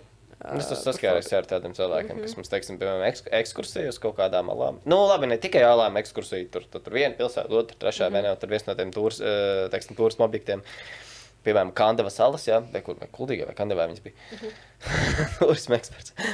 Uh, un, un, uh, un jā, es atceros, mēs aizējām līdz tām alām, un kaut kāda daļa cilvēku, viens cilvēks, kā, es neiešu iekšā, sorry, man ir fobija, tā kā jūs izkladējaties, bet es nespēju, nu, tā kā, mm -hmm. you know, es, ir tāda lieta. Jā, un ir ļoti, ļoti dažādas šīs fobijas, un tās ir ļoti personiskas. un Katram var savādāk tās fobijas izpausties, bet uh, jā, tā galvenā atšķirība no bailēm un fobijas, kad fobija ir nu, ļoti intensīva tāda baila izjūta, un viņa ir, bieži vien ir iracionāla. Mm. Tev nav īsti iemesla baidīties par tādām lietām, bet tāpat tev ir nežēlīgākā panika un uh, trauksme par to. Arī tur par to par cilvēkiem, ka uh, no cilvēkiem bail. To es arī esmu piedzīvojis. Uh, un uh, ir lieta tāda, ka man bija, bija īstenībā um, fobija, var, tā var teikt, fobija no cilvēkiem. Nevis vienkārši no cilvēkiem, bet no vairāk kā pūļiem. Jo es vienkārši es skatos, un kad es piemēram, bija tā, ka es esmu pūlī, un man vienkārši pazūd mana koncentrācija, un es vairs neko nesaprotu. Pārāk daudz lietas kustās, pārāk daudz cilvēku runā, es dzirdu visu, es nevaru kā noramdēt visas tās sarunas un pārāk daudz cilvēku. Bet uh, tāpat, uh, ah, vo, un vēl viena lieta, man īstenībā ir bijusi fobija, fobija, racionāla lieta no tumsas. Man bija reāli bailes no tumsas. Es nevarēju neko padarīt. Es gulēju ar gaismu iekšā. Es vienmēr, pirms gulēšanas, ja piemēram es kaut kur biju viens, es slēdzu televizoru un slēdzu viņam timeri, lai viņš izslēdzas pēc, pēc vairākām stundām. Un gāju gulēt. Zinot to, ka es aizmigšu ar gaismu, bet gulēšu tumsā, lai neekono- neekonomētu elektrību. Bet uh, es tiku ar to galā tāpat, kā es tiku ar to cilvēku pūļu lietu, ka man ļoti, ļoti, ļoti bail bija. Uh, es viņu vienkārši darīju. Es gāju cilvēkos, tāpat kā es gāju tumsā. Es vairāk darīju, vairāk pieradu, Un nebija tā, ka es vienkārši, uh, vienkārši eju un kā noslēpu savas emocijas un jūtas visu laiku ar to strādāju, visu laiku ko darīju, visu laiku progresēju. Un um, ar to arī es varu uh, pateikt, tas kā ar to pašu uh, balstu no pū- pūļiem um, jāstrādā, vienkārši jāstrādā. Bet uh, atkal svarīgi piebilst. Tas, ka, piemēram, Jā, tas, ka viens cilvēks tas varēja, tas strādāja, nenozīmē, ka cits- Jā, tas nenozīmē, ka tagad, oh, man fobija ir no zirnekļiem, es tagad nezinu, metīšos uh, pie zirnekļiem tūlīt. Tie ir faktors kaut kāds. Jā, tā kā. Zirnekļa kastē iekāpšu. Un, un, jā, un tas, ka, piemēram, ko citi izdarīja, es nevarēšu. Tas ir Jā. ļoti saprotami. Starp citu, uh, tu teici par to tums. Man vienai pazīstamai meitenei ir tā, ka mm, mēs ar kaut kādus vakarus runājām pa telefonu, un viņa, nu kā arī, nu, ārā ir tumšs vai ne? Un uh, viņa arī, viņa darīja tā, ka viņa izslēdz gaismu, un tad viņas vienkārši skrien uz savu istabu. Nu, tā Jā, kā- es tā arī darīju. Es arī slēdzu, un es vienkārši skrienu, un tiešām nozīmē lecu un lidoju gultā. Tad vienkārši. Nē, nē, bet tas bija domāts tā, ka, teiksim, nu, viņa ir iztēloties, piemēram, jūsu dzīvokli, tā kā viesistaba un jūsu istaba, un, piemēram, tu tā kā viesistabai gribētu izslēgt uh, Mhm. uh -huh. uguni. Uh -huh. Un uh, es, nez, es tagad neatceros, kur viņš ir slēdzis, bet, teiksim, viņš būtu tuvāk ieejai, un tā kā tu aizies pie ieejas, izslēdz gaismu, un tev tā kā istaba sanāk, vai ne, tur, piemēram. Mhm. Mums ir istaba otrajā pusē. Sanāk, mums ir jāslēdz un jāiet cauri. Jā. un tad- Jā, jā, tas, tas, ko es domāju, vienkārši tev viss paliek tā, is- viesistaba tā kā tumšs, Jā. piemēram, istabā ir gaisa, bet viesistaba tumšs, un vienkārši tā tumsai dum gaņī cauri, tā kā, o! Man bija tā, ka, jā, tā, ka ja es pirmā izēju no tumšas vietas, man bija nenormāli bail, un es, es nevarēju paskatīties uz aizmuguri, jo es domāju, kāds tur visu laiku stāv vai skatās. Tumši tuneļi tas pats? Tā g- bija, bija, bija. bija. Viss, viss tumšs, viss, kur. Tā kā, Ok, ok. okay, var, tu, tumši tunelī vienkārši mm, nepatika vairāk. mm, Viņi Bet sevi ir tādi. tā, tā, tas vairāk domāju, ka tur kāds cilvēks skatās. vai kā, Bet, bet uh, tumša, tumsa kā pats par sevi, tumša ēka vai vienkārši nakts. Un, jā, vienkārši pamazām maziem soliņiem ar naktslampiņu, piemēram, mazāk un mazāk un mazāk slēdzu ārā katru, katru, katru dienu, piemēram, dega mazāk un mazāk un mazāk katru dienu. Un tā arī, tā arī kaut kā tiku galā. Mm -hmm. Bet, bet nu, jā, tās fobijas ir. Jā, bet, uh, jebkurā gadījumā, ja tiešām uh, ja jums ir fobija pret kaut ko, un ja jūs jūtat, ka tiešām šī fobija jums sāk traucēt ikdienas dzīvi, tā, vai arī jūs vienkārši gribat tikt vaļā no tās fobijas, noteikti konsultēties ar uh, speciālistu. Viņi jums noteikti ieteiks, kā tieši jums vislabāk tikt ar to galā. Um, jā, tā tad, uh, un tālāk noslēdzot par. Um, garastāvokļiem, šiem te trau, uh, funa garastāvokļiem, bet uh, par um, trauksmes uh, traucējumiem.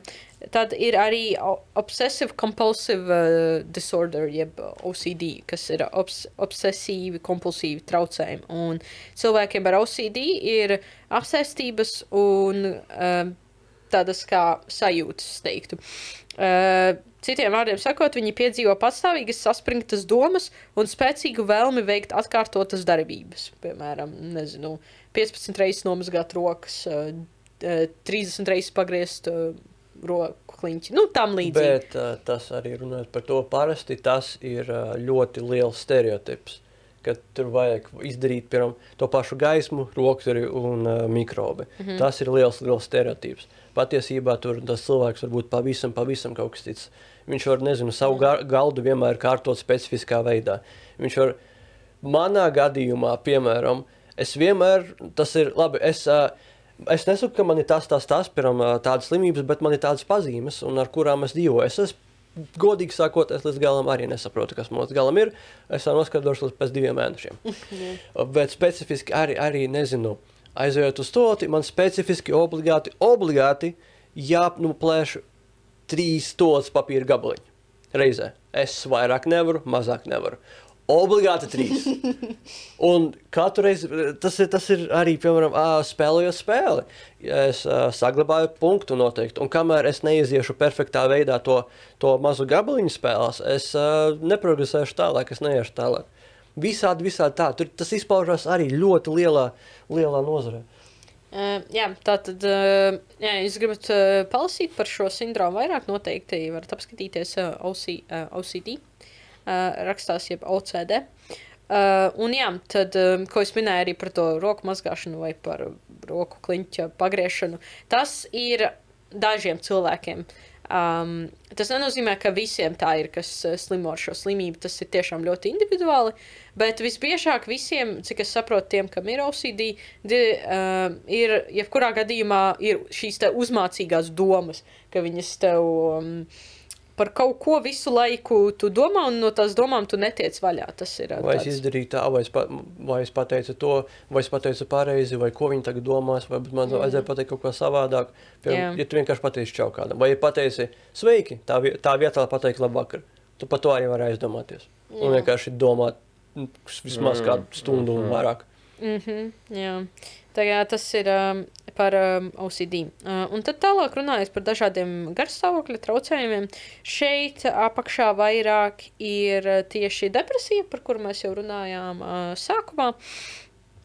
Um, un arī atkal depresija arī ir vairāki apakšdalījumi. Ir, eh, tā kā smagāka depresija, ir uh, vidēja depresija, nu, dažādi uh, šie stāvokļi ir. Uh, un ir arī zem šī uh, garasauga traucējumiem ir bipolar, jeb bipolāri traucējumi, kad um, cilvēkiem ar uh, bipolāriem traucējumiem viņi piedzīvo uh, ļoti intensīvas un straujas izmaiņas uh, gara stāvoklī, gan enerģijas līmenī, vispār uh, aktivitātes līmenī.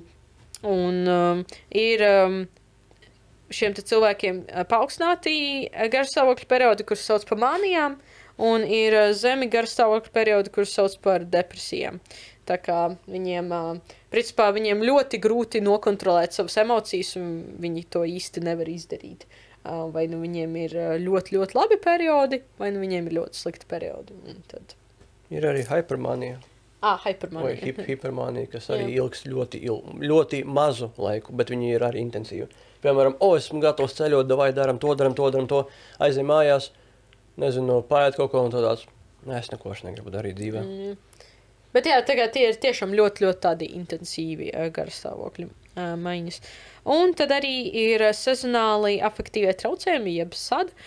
Un uh, tas ir tad, kad saucamā sezonālā depresija. Mm. Uh, principā t- uh, visbiežāk uh, ziemas periodā.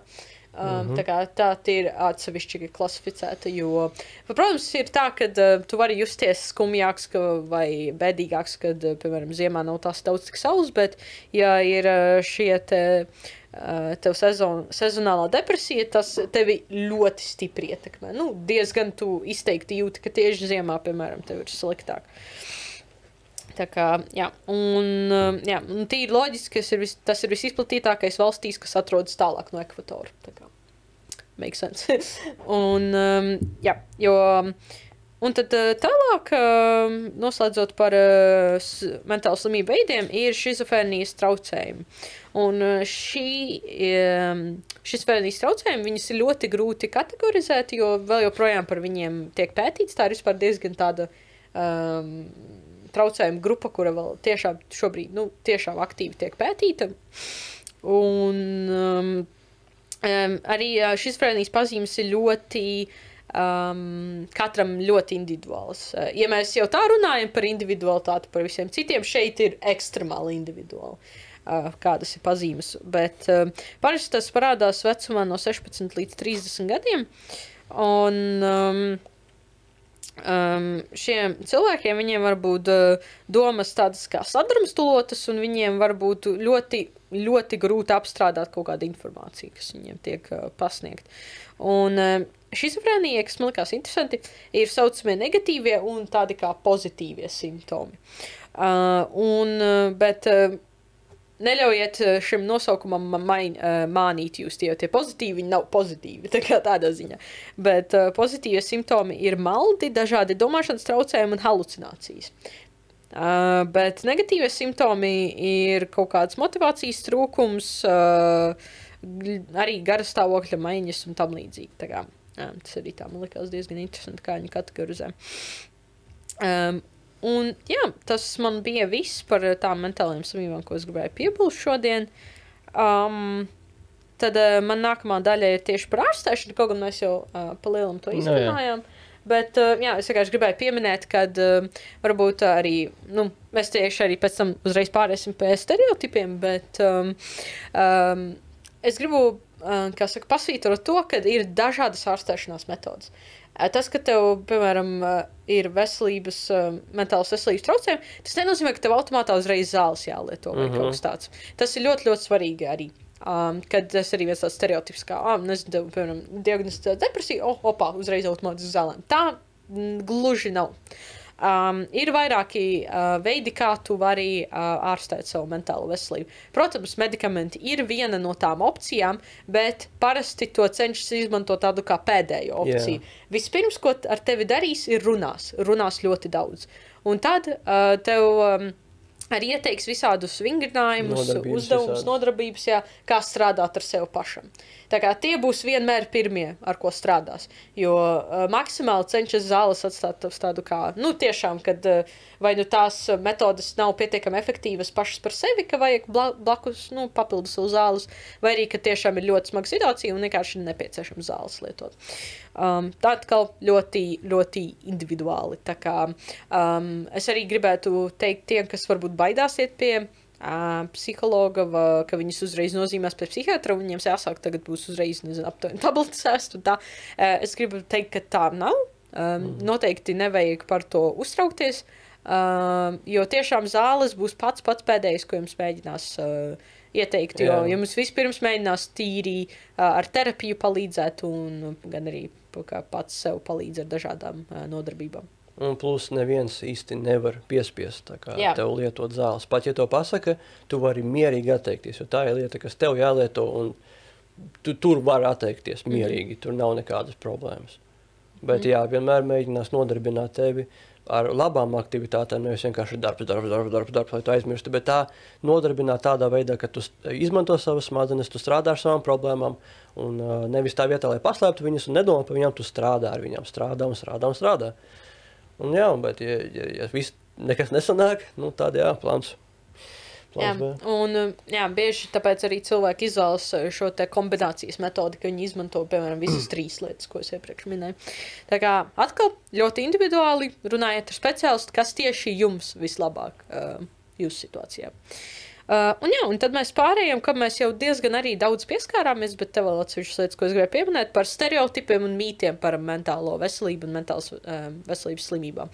Jo, diemžēl, jāsaka, ka to ir ļoti daudz. Uh, un, uh, un tie ir ne tikai daudz, bet arī uh, diezgan, kā teikt, uh, ir pāris mīti, kur ir ekstremāli populāri. Un uh, kurus tā kā ļoti, ļoti vēl joprojām tu dzirdi, principā, ikdienā, kad tu sāc runāt par šo tēmu. Un, um, uh, jā, um, arī uh, viens uh, no tiem, um, es nezinu, varbūt tu pēc tam arī vēl tam pieskarsies vairāk, kad uh, um, automātiski tiek domāts, ka tie cilvēki, kuriem garīgās uh, slimības ir, viņi ir bīstami un uzreiz apdraud sabiedrību. Kā, tu aptuveni uzreiz, nezinu, cilvēkam ir kaut kādi tādi traucējumi, tu uzreiz aptuveni, ak, Dievs, viņš, nezinu, jāizolē aptuveni, vai ne? Uh, Jā. bet patiesība ir tāda, ka cilvēki ar šie garīgās veselības problēmām nevis ir tie, kas veids kaut kādas agresīvas darbības vai noziegumus vai tam līdzīgi. Viņi visbiežāk ir to upuri. Tā visbiežāk ir. Jo viņi ir, uh, tiek eksploatēti, viņi ir vājākajā, tā kā, kā lai saka, um, viņi nav tik labā, kā saka, veselības stadijā, lai, piemēram, cīnītos atpakaļ vai tam līdzīgi. Tā kā tas ir Par arī. šo visu mm, es uh, neuzskatītu sevi par upuri, bet es uzskatu, ka tas man aizskāra savā uh, tā, tā, tā negativitāte un tā. Un, uh, Kā cilvēki Jā. baidās to, ka, tu, o, Dievs, tev ir problēmas ar galvu, tagad tu esi bīstams un tā. Bet uh, tiešām, pa, kā patiesībā ir, es, uh, es dodu cilvēkiem vairāk nekā ņemu. Un es pazīstu vairākus cilvēkus, kas arī ir tādi, un kuri ir ļoti nenormāli labsirdīgi, kuri nekad nekam nevienam negribētu nodarīt pāri, kuri tiešām, tiešām ir gatavi dot un, un uh, vienkārši dot un dot un dot, kuri ir tiešām nenormāli, sird, sirsnīgi cilvēki. Jā. Noteikti. Un, um, jā, tas ir viens. Un, um, arī nu, jā, tas pats um, diezgan saistīts ir, kad cilvēki, man ko mēs iepriekš minējām, cilvēki, kuriem ir kaut kādas garīgas veselības problēmas, viņi uzmanīgi domā, tie kaut kādi traki viņi ir, vai es nezinu, uh, tam līdzīgi. Nu, arī uh, līdzīgs princips, uh, ko, ko mēs iepriekš runājām. Un, um, jā, un um, arī uh, te ir, uh, es neteiktu, kā es saku, Šis ir tāda kā puspatiesība, jo te ir minēts, uh, cilvēkus ar garīgām slimībām nevar izārstēt. Tas ir tā kā um, daļēji patiesi, bet daļēji tomēr nav tā līdz galam. Tas arī jā, kā kuram. Jā, arī, uh, jo, kā es arī epizodes sākumā minēju, um, ir cilvēki, kuri uh, var tiešām reāli, var iz, ir iespējams izārstēt depresiju vai kādas citas uh, mentālas slimības, bet ir cilvēki, kuri ar to cīnās visu savu um, mūžu. Tāpēc, uh, jā. Um, ļoti, kā jau mēs visu laiku šajā epizodē sakām, ir ļoti individuāli jāskatās un nevajag ielikt cilvēkus vienā kastē, kad, ja, kā, ja kādam ir, nezinu, izdevies pārējai depresija, tas nozīmē, ka visi to var izdarīt. Nē, tā nav. Um, tāpēc, uh, jā. Uh, un, un, un, un, un. Uh, jā, uh, arī um, viens ir tāds faktors, kas ir pieminēts, um, kad garīgās veselības problēmas nevar iedzimt, uh, ka tam nu, kad, piemēram, ja tev kādam vecākam bijis depresija vai vecākam vai tam līdzīgi, ka tev tā kā iedzims eh, tā uh, depresija vai Jā. kas cits. Um, ir, ir gan zinātnīs pētījumi, kur ir kā redzēta korelācija ar ģenētiku saistībā ar veselības, mentālu veselības problēmu, bet tas nenozīmē, ka tev automātiski būs veselības problēmas, pat ja tev ir ģimenē bijušas. Tas arī diezgan svarīgi pasvītrot. Mm. Tas uh, nenozīmē, ka tas aptuveni nezinu, norakstīts, kad, ja tev bijis tiešām smaga, nezinu, ģimenes vēsture ar dažādām me, men, nu, veselības problēmām, tieši garīgās veselības problēmām. Tas nenozīmē, ka tev obligāti arī tas būs. Um, tā kā uh, tas arī ir svarīgi ņemt vērā. Un, um, jā, tas arī principā viss no manas puses, uh, ko es gribēju šodien pastāstīt um, par mentālu veselību, par um, dažādām slimībām, par stereotipiem, ā, ārstēšanu. Um, tā kā, uh, jā, tev, Robert, bija vēl kaut ko uh, piebilst šajā kas, tematikā? Gan jau ir, bet tagad nevar iedomāties. Nevar iedomāties. Labi, ok. Bet, uh, jā, tad uh, droši Robertu var arī uh, paņemt, kā lai saka, uh, tomēr īsti trūkrājuma tradīcijās, tad mēs arī kaut ko saistībā ar šo. Jā, izteicu visu, ko es gribēju pateikt. nu, jā, nu tā tad eh, es teiktu uz tādu jau beigu viļņa lēnām ejot. Uh, Tomēr par cik mēs esam trūkrājumi podkāstā, tad mēs pieskarsimies. Tad mēs pieskarsimies vairāk arī nedaudz iekšā trūkstoši. Nu, respektīvi, teiksim, tā, mm, kā varbūt mentālā. Ui. Ui, o, Ui. kā, kā mentālā veselība iet kopā ar trūkumiem, vai manā gadījumā šeit ir rakstīts vardarbību. Bet, uh, jā, tā teikt, man jau izņēma vārds no manas mutes. Uh, pirmais teksts, kā tad, kas man ir rakstīts. Vairāk nekā trešdaļa cilvēku domā, ka cilvēki ar garīgās veselības problēmām visticamāk ir, ir vardarbīgi. Lai gan patiesībā cilvēki ar garīgās veselības problēmām biežāk kļūst par vardarbīgu noziegumu upuriem, nevis vainīgiem. Pāraksta Crime Stoppers UK org un tā saka Monta. Nu, es Roberts arī atradu to. bet, jā. Saka, Monta Roberts piekrīt. Uh, tāpat. Uh, Pagaid, kurš Roberts? Tu? Nē, nu, jā, es jau šeit izteicu, ka tu Nu jā, bet Nē, tad- es arī, protams, piekrītu. Bet... Bet sanāk, labi, labi tu tad sanāk, tu vari būt, tu vari būt lielais Roberts, es būšu mazais Roberts. Tā ir parasti arī. uh, The Crime Report orga saka, ka cilvēkiem ar neārst, neārst, jā, cilvēkam ar neārstātu garīgu slimību ir 16 reizes lielāka iespēja tikt nogalinātam policijas sadursmes laikā. Tur bija konkrēts stāsts par, es nepateikšu, kurš gads, bet katrā ziņā kaut kad salīdzinoši nesen, 21. 20. gads, kaut kas tāds. Bija gadījums, kad policija vienkārši uh, iešāva cilvēkam, kurš uh, uz ielas vicinājās ar beisbolu nūju, bet viņš vienkārši bija garīgs slims. Bet viņi to nezināja. Mm. Un, uh, viņiem bija cits kolēģis, vai bija kaut kāds policists, kas nu, kā ļoti bieži pie tā cilvēka brauc. Viņš zināja tādu lietu. Bet vienkārši tie policisti, kas ieradās notikuma vietā, tie nebija ar viņu. Viņi nezināja. Un, un, un viņi vienkārši arī, nu, zina, kā nu, loģiski, ka oh, izstāsta kaut kas bīstams vai ne. Viņš tur sabiedrībā traucēja kaut kā tā. Un viņi ir viņu, nu, viņi, es saprotu, viņi viņu nenošāva nost, viņi vienkārši viņu sašāva. Un par to bija baigais, nu, beklāšs kaut kādā mērā. Un, un, un, uh, un, jā, un tas, es saprotu, tīri tāpēc, ka viņš vienkārši bija. Uh, nu, garīgi slims, un viņi to neapzinājās. Mm -hmm. un, un so, viņam ir lielāka iespēja tikt traumētam, pēc kad kāds domās, varbūt tā ir kur kaut kāds psihopāts ir vai tā tālāk, bet tā actually, nu, vai kaut kāds, es nezinu, tur slapkavā, bet tā actually nav vienkārši tas ir. Tā slimība.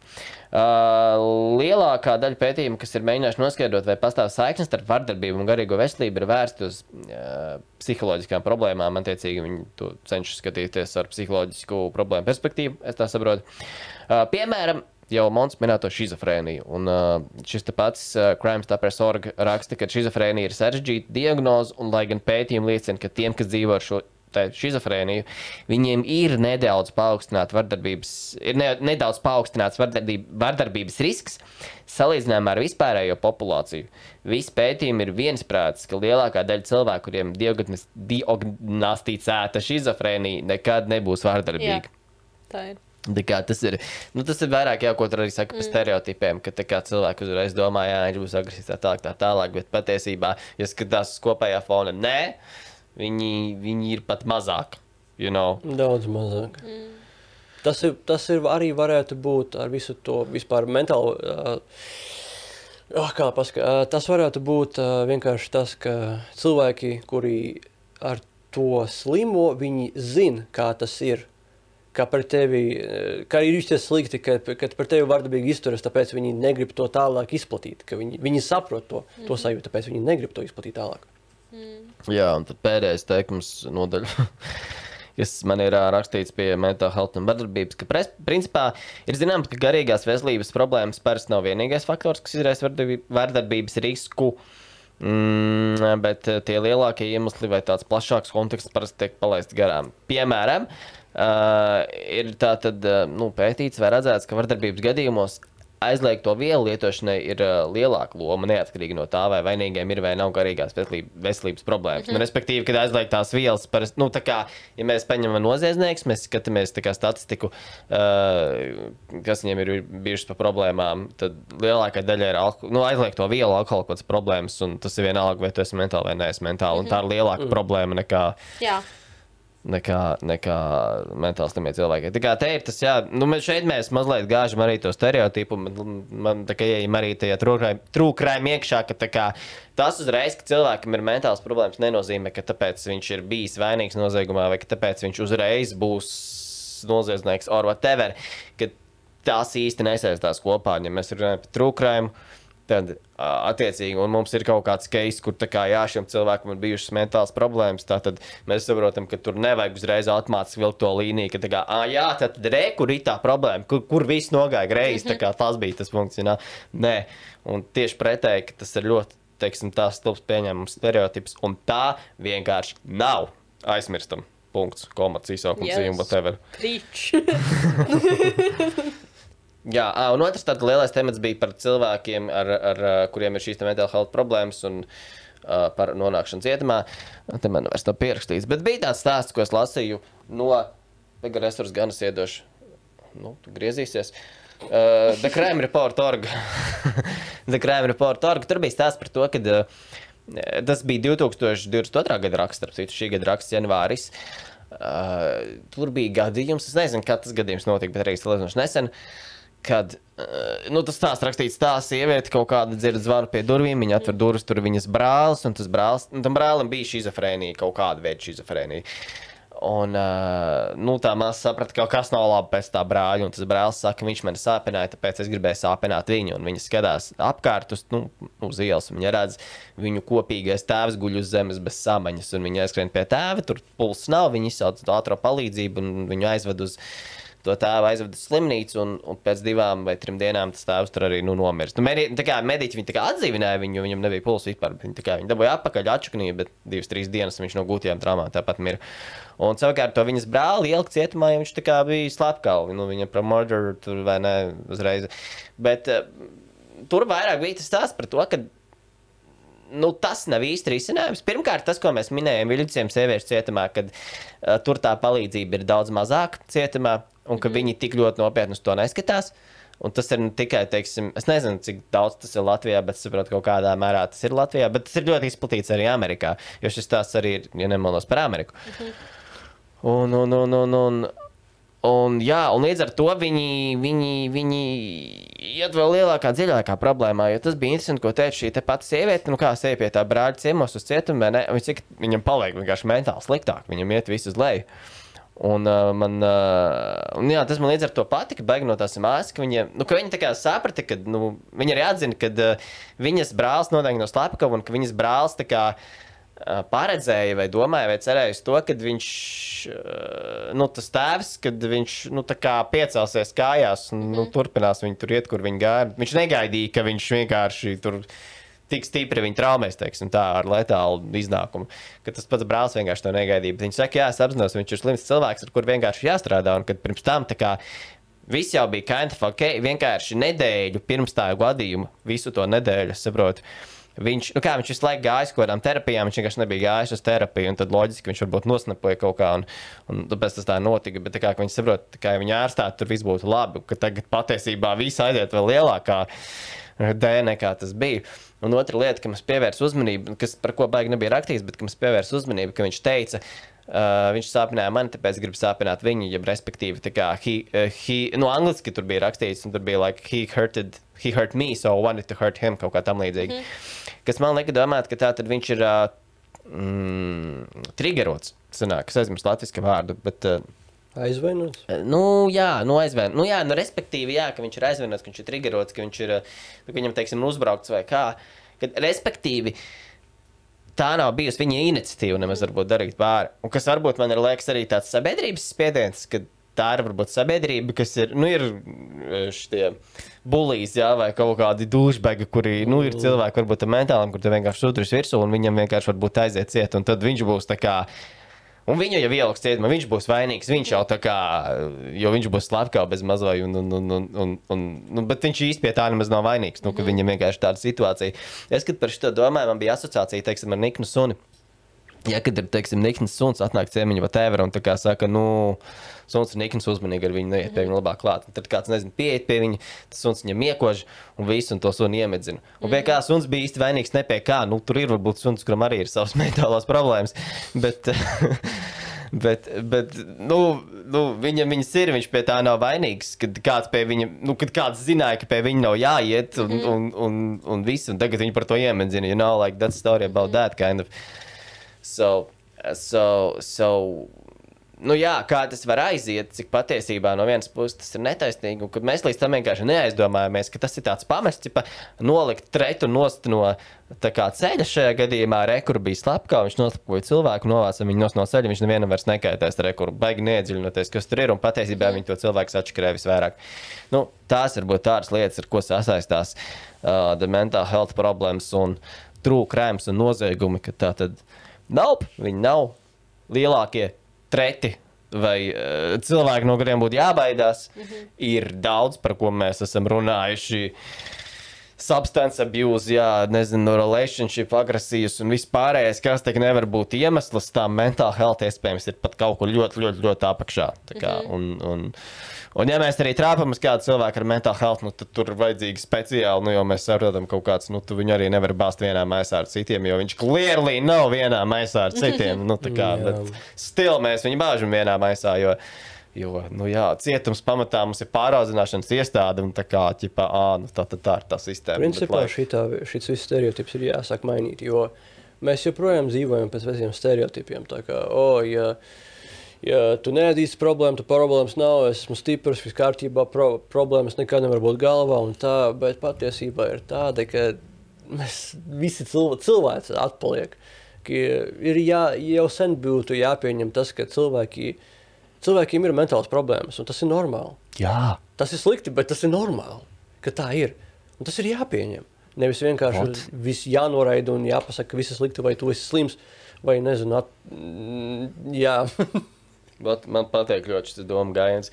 Man liekas, ir ļoti maz lietas, kuras mums vajadzētu uzskatīt par normālām, kuras mēs neuzskatām par normālām. Un tāpēc, ka mēs viņas neuzskatām par normālām, tas mums liek pašiem domāt, o, nē, es neesmu normāls vai, mm -hmm. vai tā tālāk. Un tad tu sevi pats psiholoģiski nu, sāc traumēt, jo tas ir tas, ko tu saki. Kā, hei, Tā jā, nu, labi, mēs sakām, ir jākļūst par normu tam, ka te ir pie psihologa, ka tas mm -hmm. ir normāli, vai ne? Kāds varbūt gribēja iet, viņam likās tās, tas, ko mēs sakām, ah, nē, citi padomās, ka es esmu tagad dīvains, nu, tā kā, un mm -hmm. viss, un tu pats sevi tikko noliki, Jā. balstoties uz to, ko par tevi teiks sabiedrība. Mm -hmm. Kas ir vēl viena lieta, par ko es daudz domāju, un iekšēji mazliet par sevi cīnos, cik daudz lietas mēs eh, noliedzam tikai tāpēc, ka mēs domājam, nevis kāds palīdzēs man, vai kā es par to jutīšos, bet ko par mani par to teiks sabiedrība dēļ Yes. šitā visa. Principā tu gribi iekļauties sociālajās normās, tāpēc tev jātēlo, ka tev viss kārtībā. Un tas ir arī, bet tas ir, man liekas, arī tāds iekšējs instinkts par to sociālismu, jā, kad gribi iedrēties starp citiem. Tu, Sociāls un bišķi, bišķi citu es lietu. varu, es arī ne tā pateicu, bet ka tu tā kā gribi. Socialitāte? Jā, nu, kad gribi, varbūt tu gribi komunicēt vai ne ar citiem un, un, un, un būt kopā ar citiem, bet tev ir bālis tagad atklāšu kaut kādas savas iekšējās Jā. lietas, ka viņiem Jā. būs Tevi nepieņems. Jā, vai ne? Un Tu, Tas tu, būs tas outsiders. jā. Un Dievs, ko viņi par mani padomās. un tā. Protams, ir kaut kādi limiti, nu, tā kā, bet, bet es tāpēc arī, es, uh, uh, nu, mani, vismaz šie cilvēki un tā mūsu draugu grupa mani pazīst, un tāpēc es dažreiz nekautrējos būt mazliet pārāk atklāts. Mm. un, un varbūt tā kā pasmieties kaut kādā ziņā par sevi. Tas ir arī podkāstā, ko es dažreiz esmu darījis, kad es atceros, bija Pauls arī vai kas, kas tur sevi raustoja vai kā. Tā kā no vienas puses ir tāda kauna apziņa, bet no otras puses man liekas tāds, bet nē, mēs tā kā visi patiesībā kaut kādā mērā esam tik tīzli, ir kaut kādas tik tīzlas lietas, ko mēs Preach, katrs negribētu, lai par mums zina. un Man tāds, Es esmu, es esmu tieši tāds pats kā jūs. Vienkārši es varbūt mazāk par to uztraucos, jo es saprotu, ka uh, viss ir normāli. Viss ir čikni. Jā, Lieliska doma, manuprāt, uh, un secinājums no šīs epizodes. Kā, um, Jā saudzējam sevi, runājam ar citiem. Un Daudz nebaidieties- runājam. Pie Ne- kā mēs vēl nonācām? Nebaidieties aiziet pie doktora. Jā. Vai, nu, vai, pie speciālista. Jā. Pensionālistu. Nebaidieties pabūt kādu laiku vieni. jā, Un Pamēģiniet pabūt vienu. Pa, tiešām pamēģiniet, zināt, Jā. kā tas ir. Kā, kā ir būt vienam un kā jūs jūtaties, jūs, jutīsieties savā ādā. Pamēģiniet izslēgt internetu. Zinu, Pēc šīs tas ir- epizodes Tas, tas, tas ir jā grūti. pēc bet- šīs epizodes. Pēc. Bet, jā, jā bet uh, katrā ziņā tā un, un, un audzējam viens otru. Un, un, jā. Un tiekamies, jā. Man bija vienkārši vēl kaut kāda doma grāmata, pie kā es biju, bet nu, tagad jau viņi man ir aizgājuši. Bet, nu, katrā ziņā šeit ir, es domāju, pilns ar atziņām šajā sērijā. Uh, jā, varbūt mazāk par trūkumu, bet par ļoti nozīmīgu tematu, kas mums var likt aizdomāties tālāk, studējot kaut kādus tematus. un Tomēr svarīgi pieskarties arī šim. Paldies, Roberts, ka atnācis ciemos. Paldies, ka pieņēmāt, bija patīkami parunāt. Un, uh, man nebija grūti parunāt par šo. Man ir tāda lieta, uh, kā jau arī bija minēts, cilvēki domā, ka, zina, ka ja depresīvs, tas uzreiz bēdīgs. Nē, man, es, es nebēdājos, esmu tikai priecīgs, tas tikai, tikai pār, pārunāties, kāpēc gan nē, kāds paklausīs, kāpēc gan nē. Un man prieks parunāties, man prieks, ka uzklausījāt, man prieks, ka pieņēmāt. Un cerams, ka kāds arī uzklausīs un kā, kādam vismaz palīdzēs. jā. Jā. Es varu apstiprināt, ka Roberts ir actually rīktīgi augsts cilvēks. bet, uh, bet, jā, labi, nu tad, ja nevienam nav. Ai, nu beidz! Bet turpin. jā, nu labi. Uh, ja nevienam citam nav ko teikt, tad maģiskie vārdi. Ir vēl varbūt. Ah, vēl viena lieta, es atceros. Es neko neteikšu par nākošo sēriju, tāpēc, ka mums viss tik ļoti šeit vainās, ka kā. Nē, es vairs pats viņš, nezinu, Viņš kas melo, mums vienkārši mistērijas epizode ir nākamā. If you saprot mistēriju. Mistērija. Ah, nu jā, mums ir mistērijas. Mums viss sezona ir mistērija. Jā, Vienkārši, lai nav tā, ka es kaut ko pasaku, un tad atkal, nu, mēs precizēsim. Jā, pagaidi, bet es kaut ko tagad pateikšu, noblīpos, ja, ja nu kas. Es nemāku to izdarīt. es varu izgriezt vienīgi, bet nē, tu izsakies. Vai- Es gan jau kaut ko izdomāšu. Nē, vai Later that same evening. tagad cilvēki visu domās, par ko viņš pateica, ko viņš runāja. Mm, Nevar zināt. Ah, smart, smart, smart, intriga. Yes, yes. Bet, uh, jā, vienīgais, uh, vienīgais, ko es gribēju pirms mēs noslēdzam epizodi, kad um, jā, mēs uh, ievietosim pēc tam mūsu Facebook lapā dažādus resursus, kur jūs varat griezties pēc palīdzības, ja jūs jūtat, ka jūs netiekat galā ar kaut kādām savām mentālās veselības problēmām vai vienkārši me- mentāla veselība kopumā. Un, jā, tā tad. Um, Arī kā es minēju, jau epizodē, uh, nebaidamies uh, runāt par to, nebaidamies uh, iet pie speciālistiem, kā, jā, um, noteikti nebeidzamies risināt šīs lietas, un, jo jūs uh, ātrāk sāksiet ar, uh, sāksiet uh, ar šīm lietām, par šīm lietām runāt un par viņām uh, interesēties, tad uh, jums lielāka iespēja, ka jums būs vieglāk, daudz vieglāk viņas uh, atrisināt. Kā, jā. Jā. Nu, tad, uh, ko lai cits saka? Kā? Paldies, ka klausījāties šo, vai skatījāties, vai klausījāties šo sēriju. Un tiekamies jau nākošajā reizē. Un ēdat savus dārziņus. Un ēdat savus dārziņus. jā, tiekamies!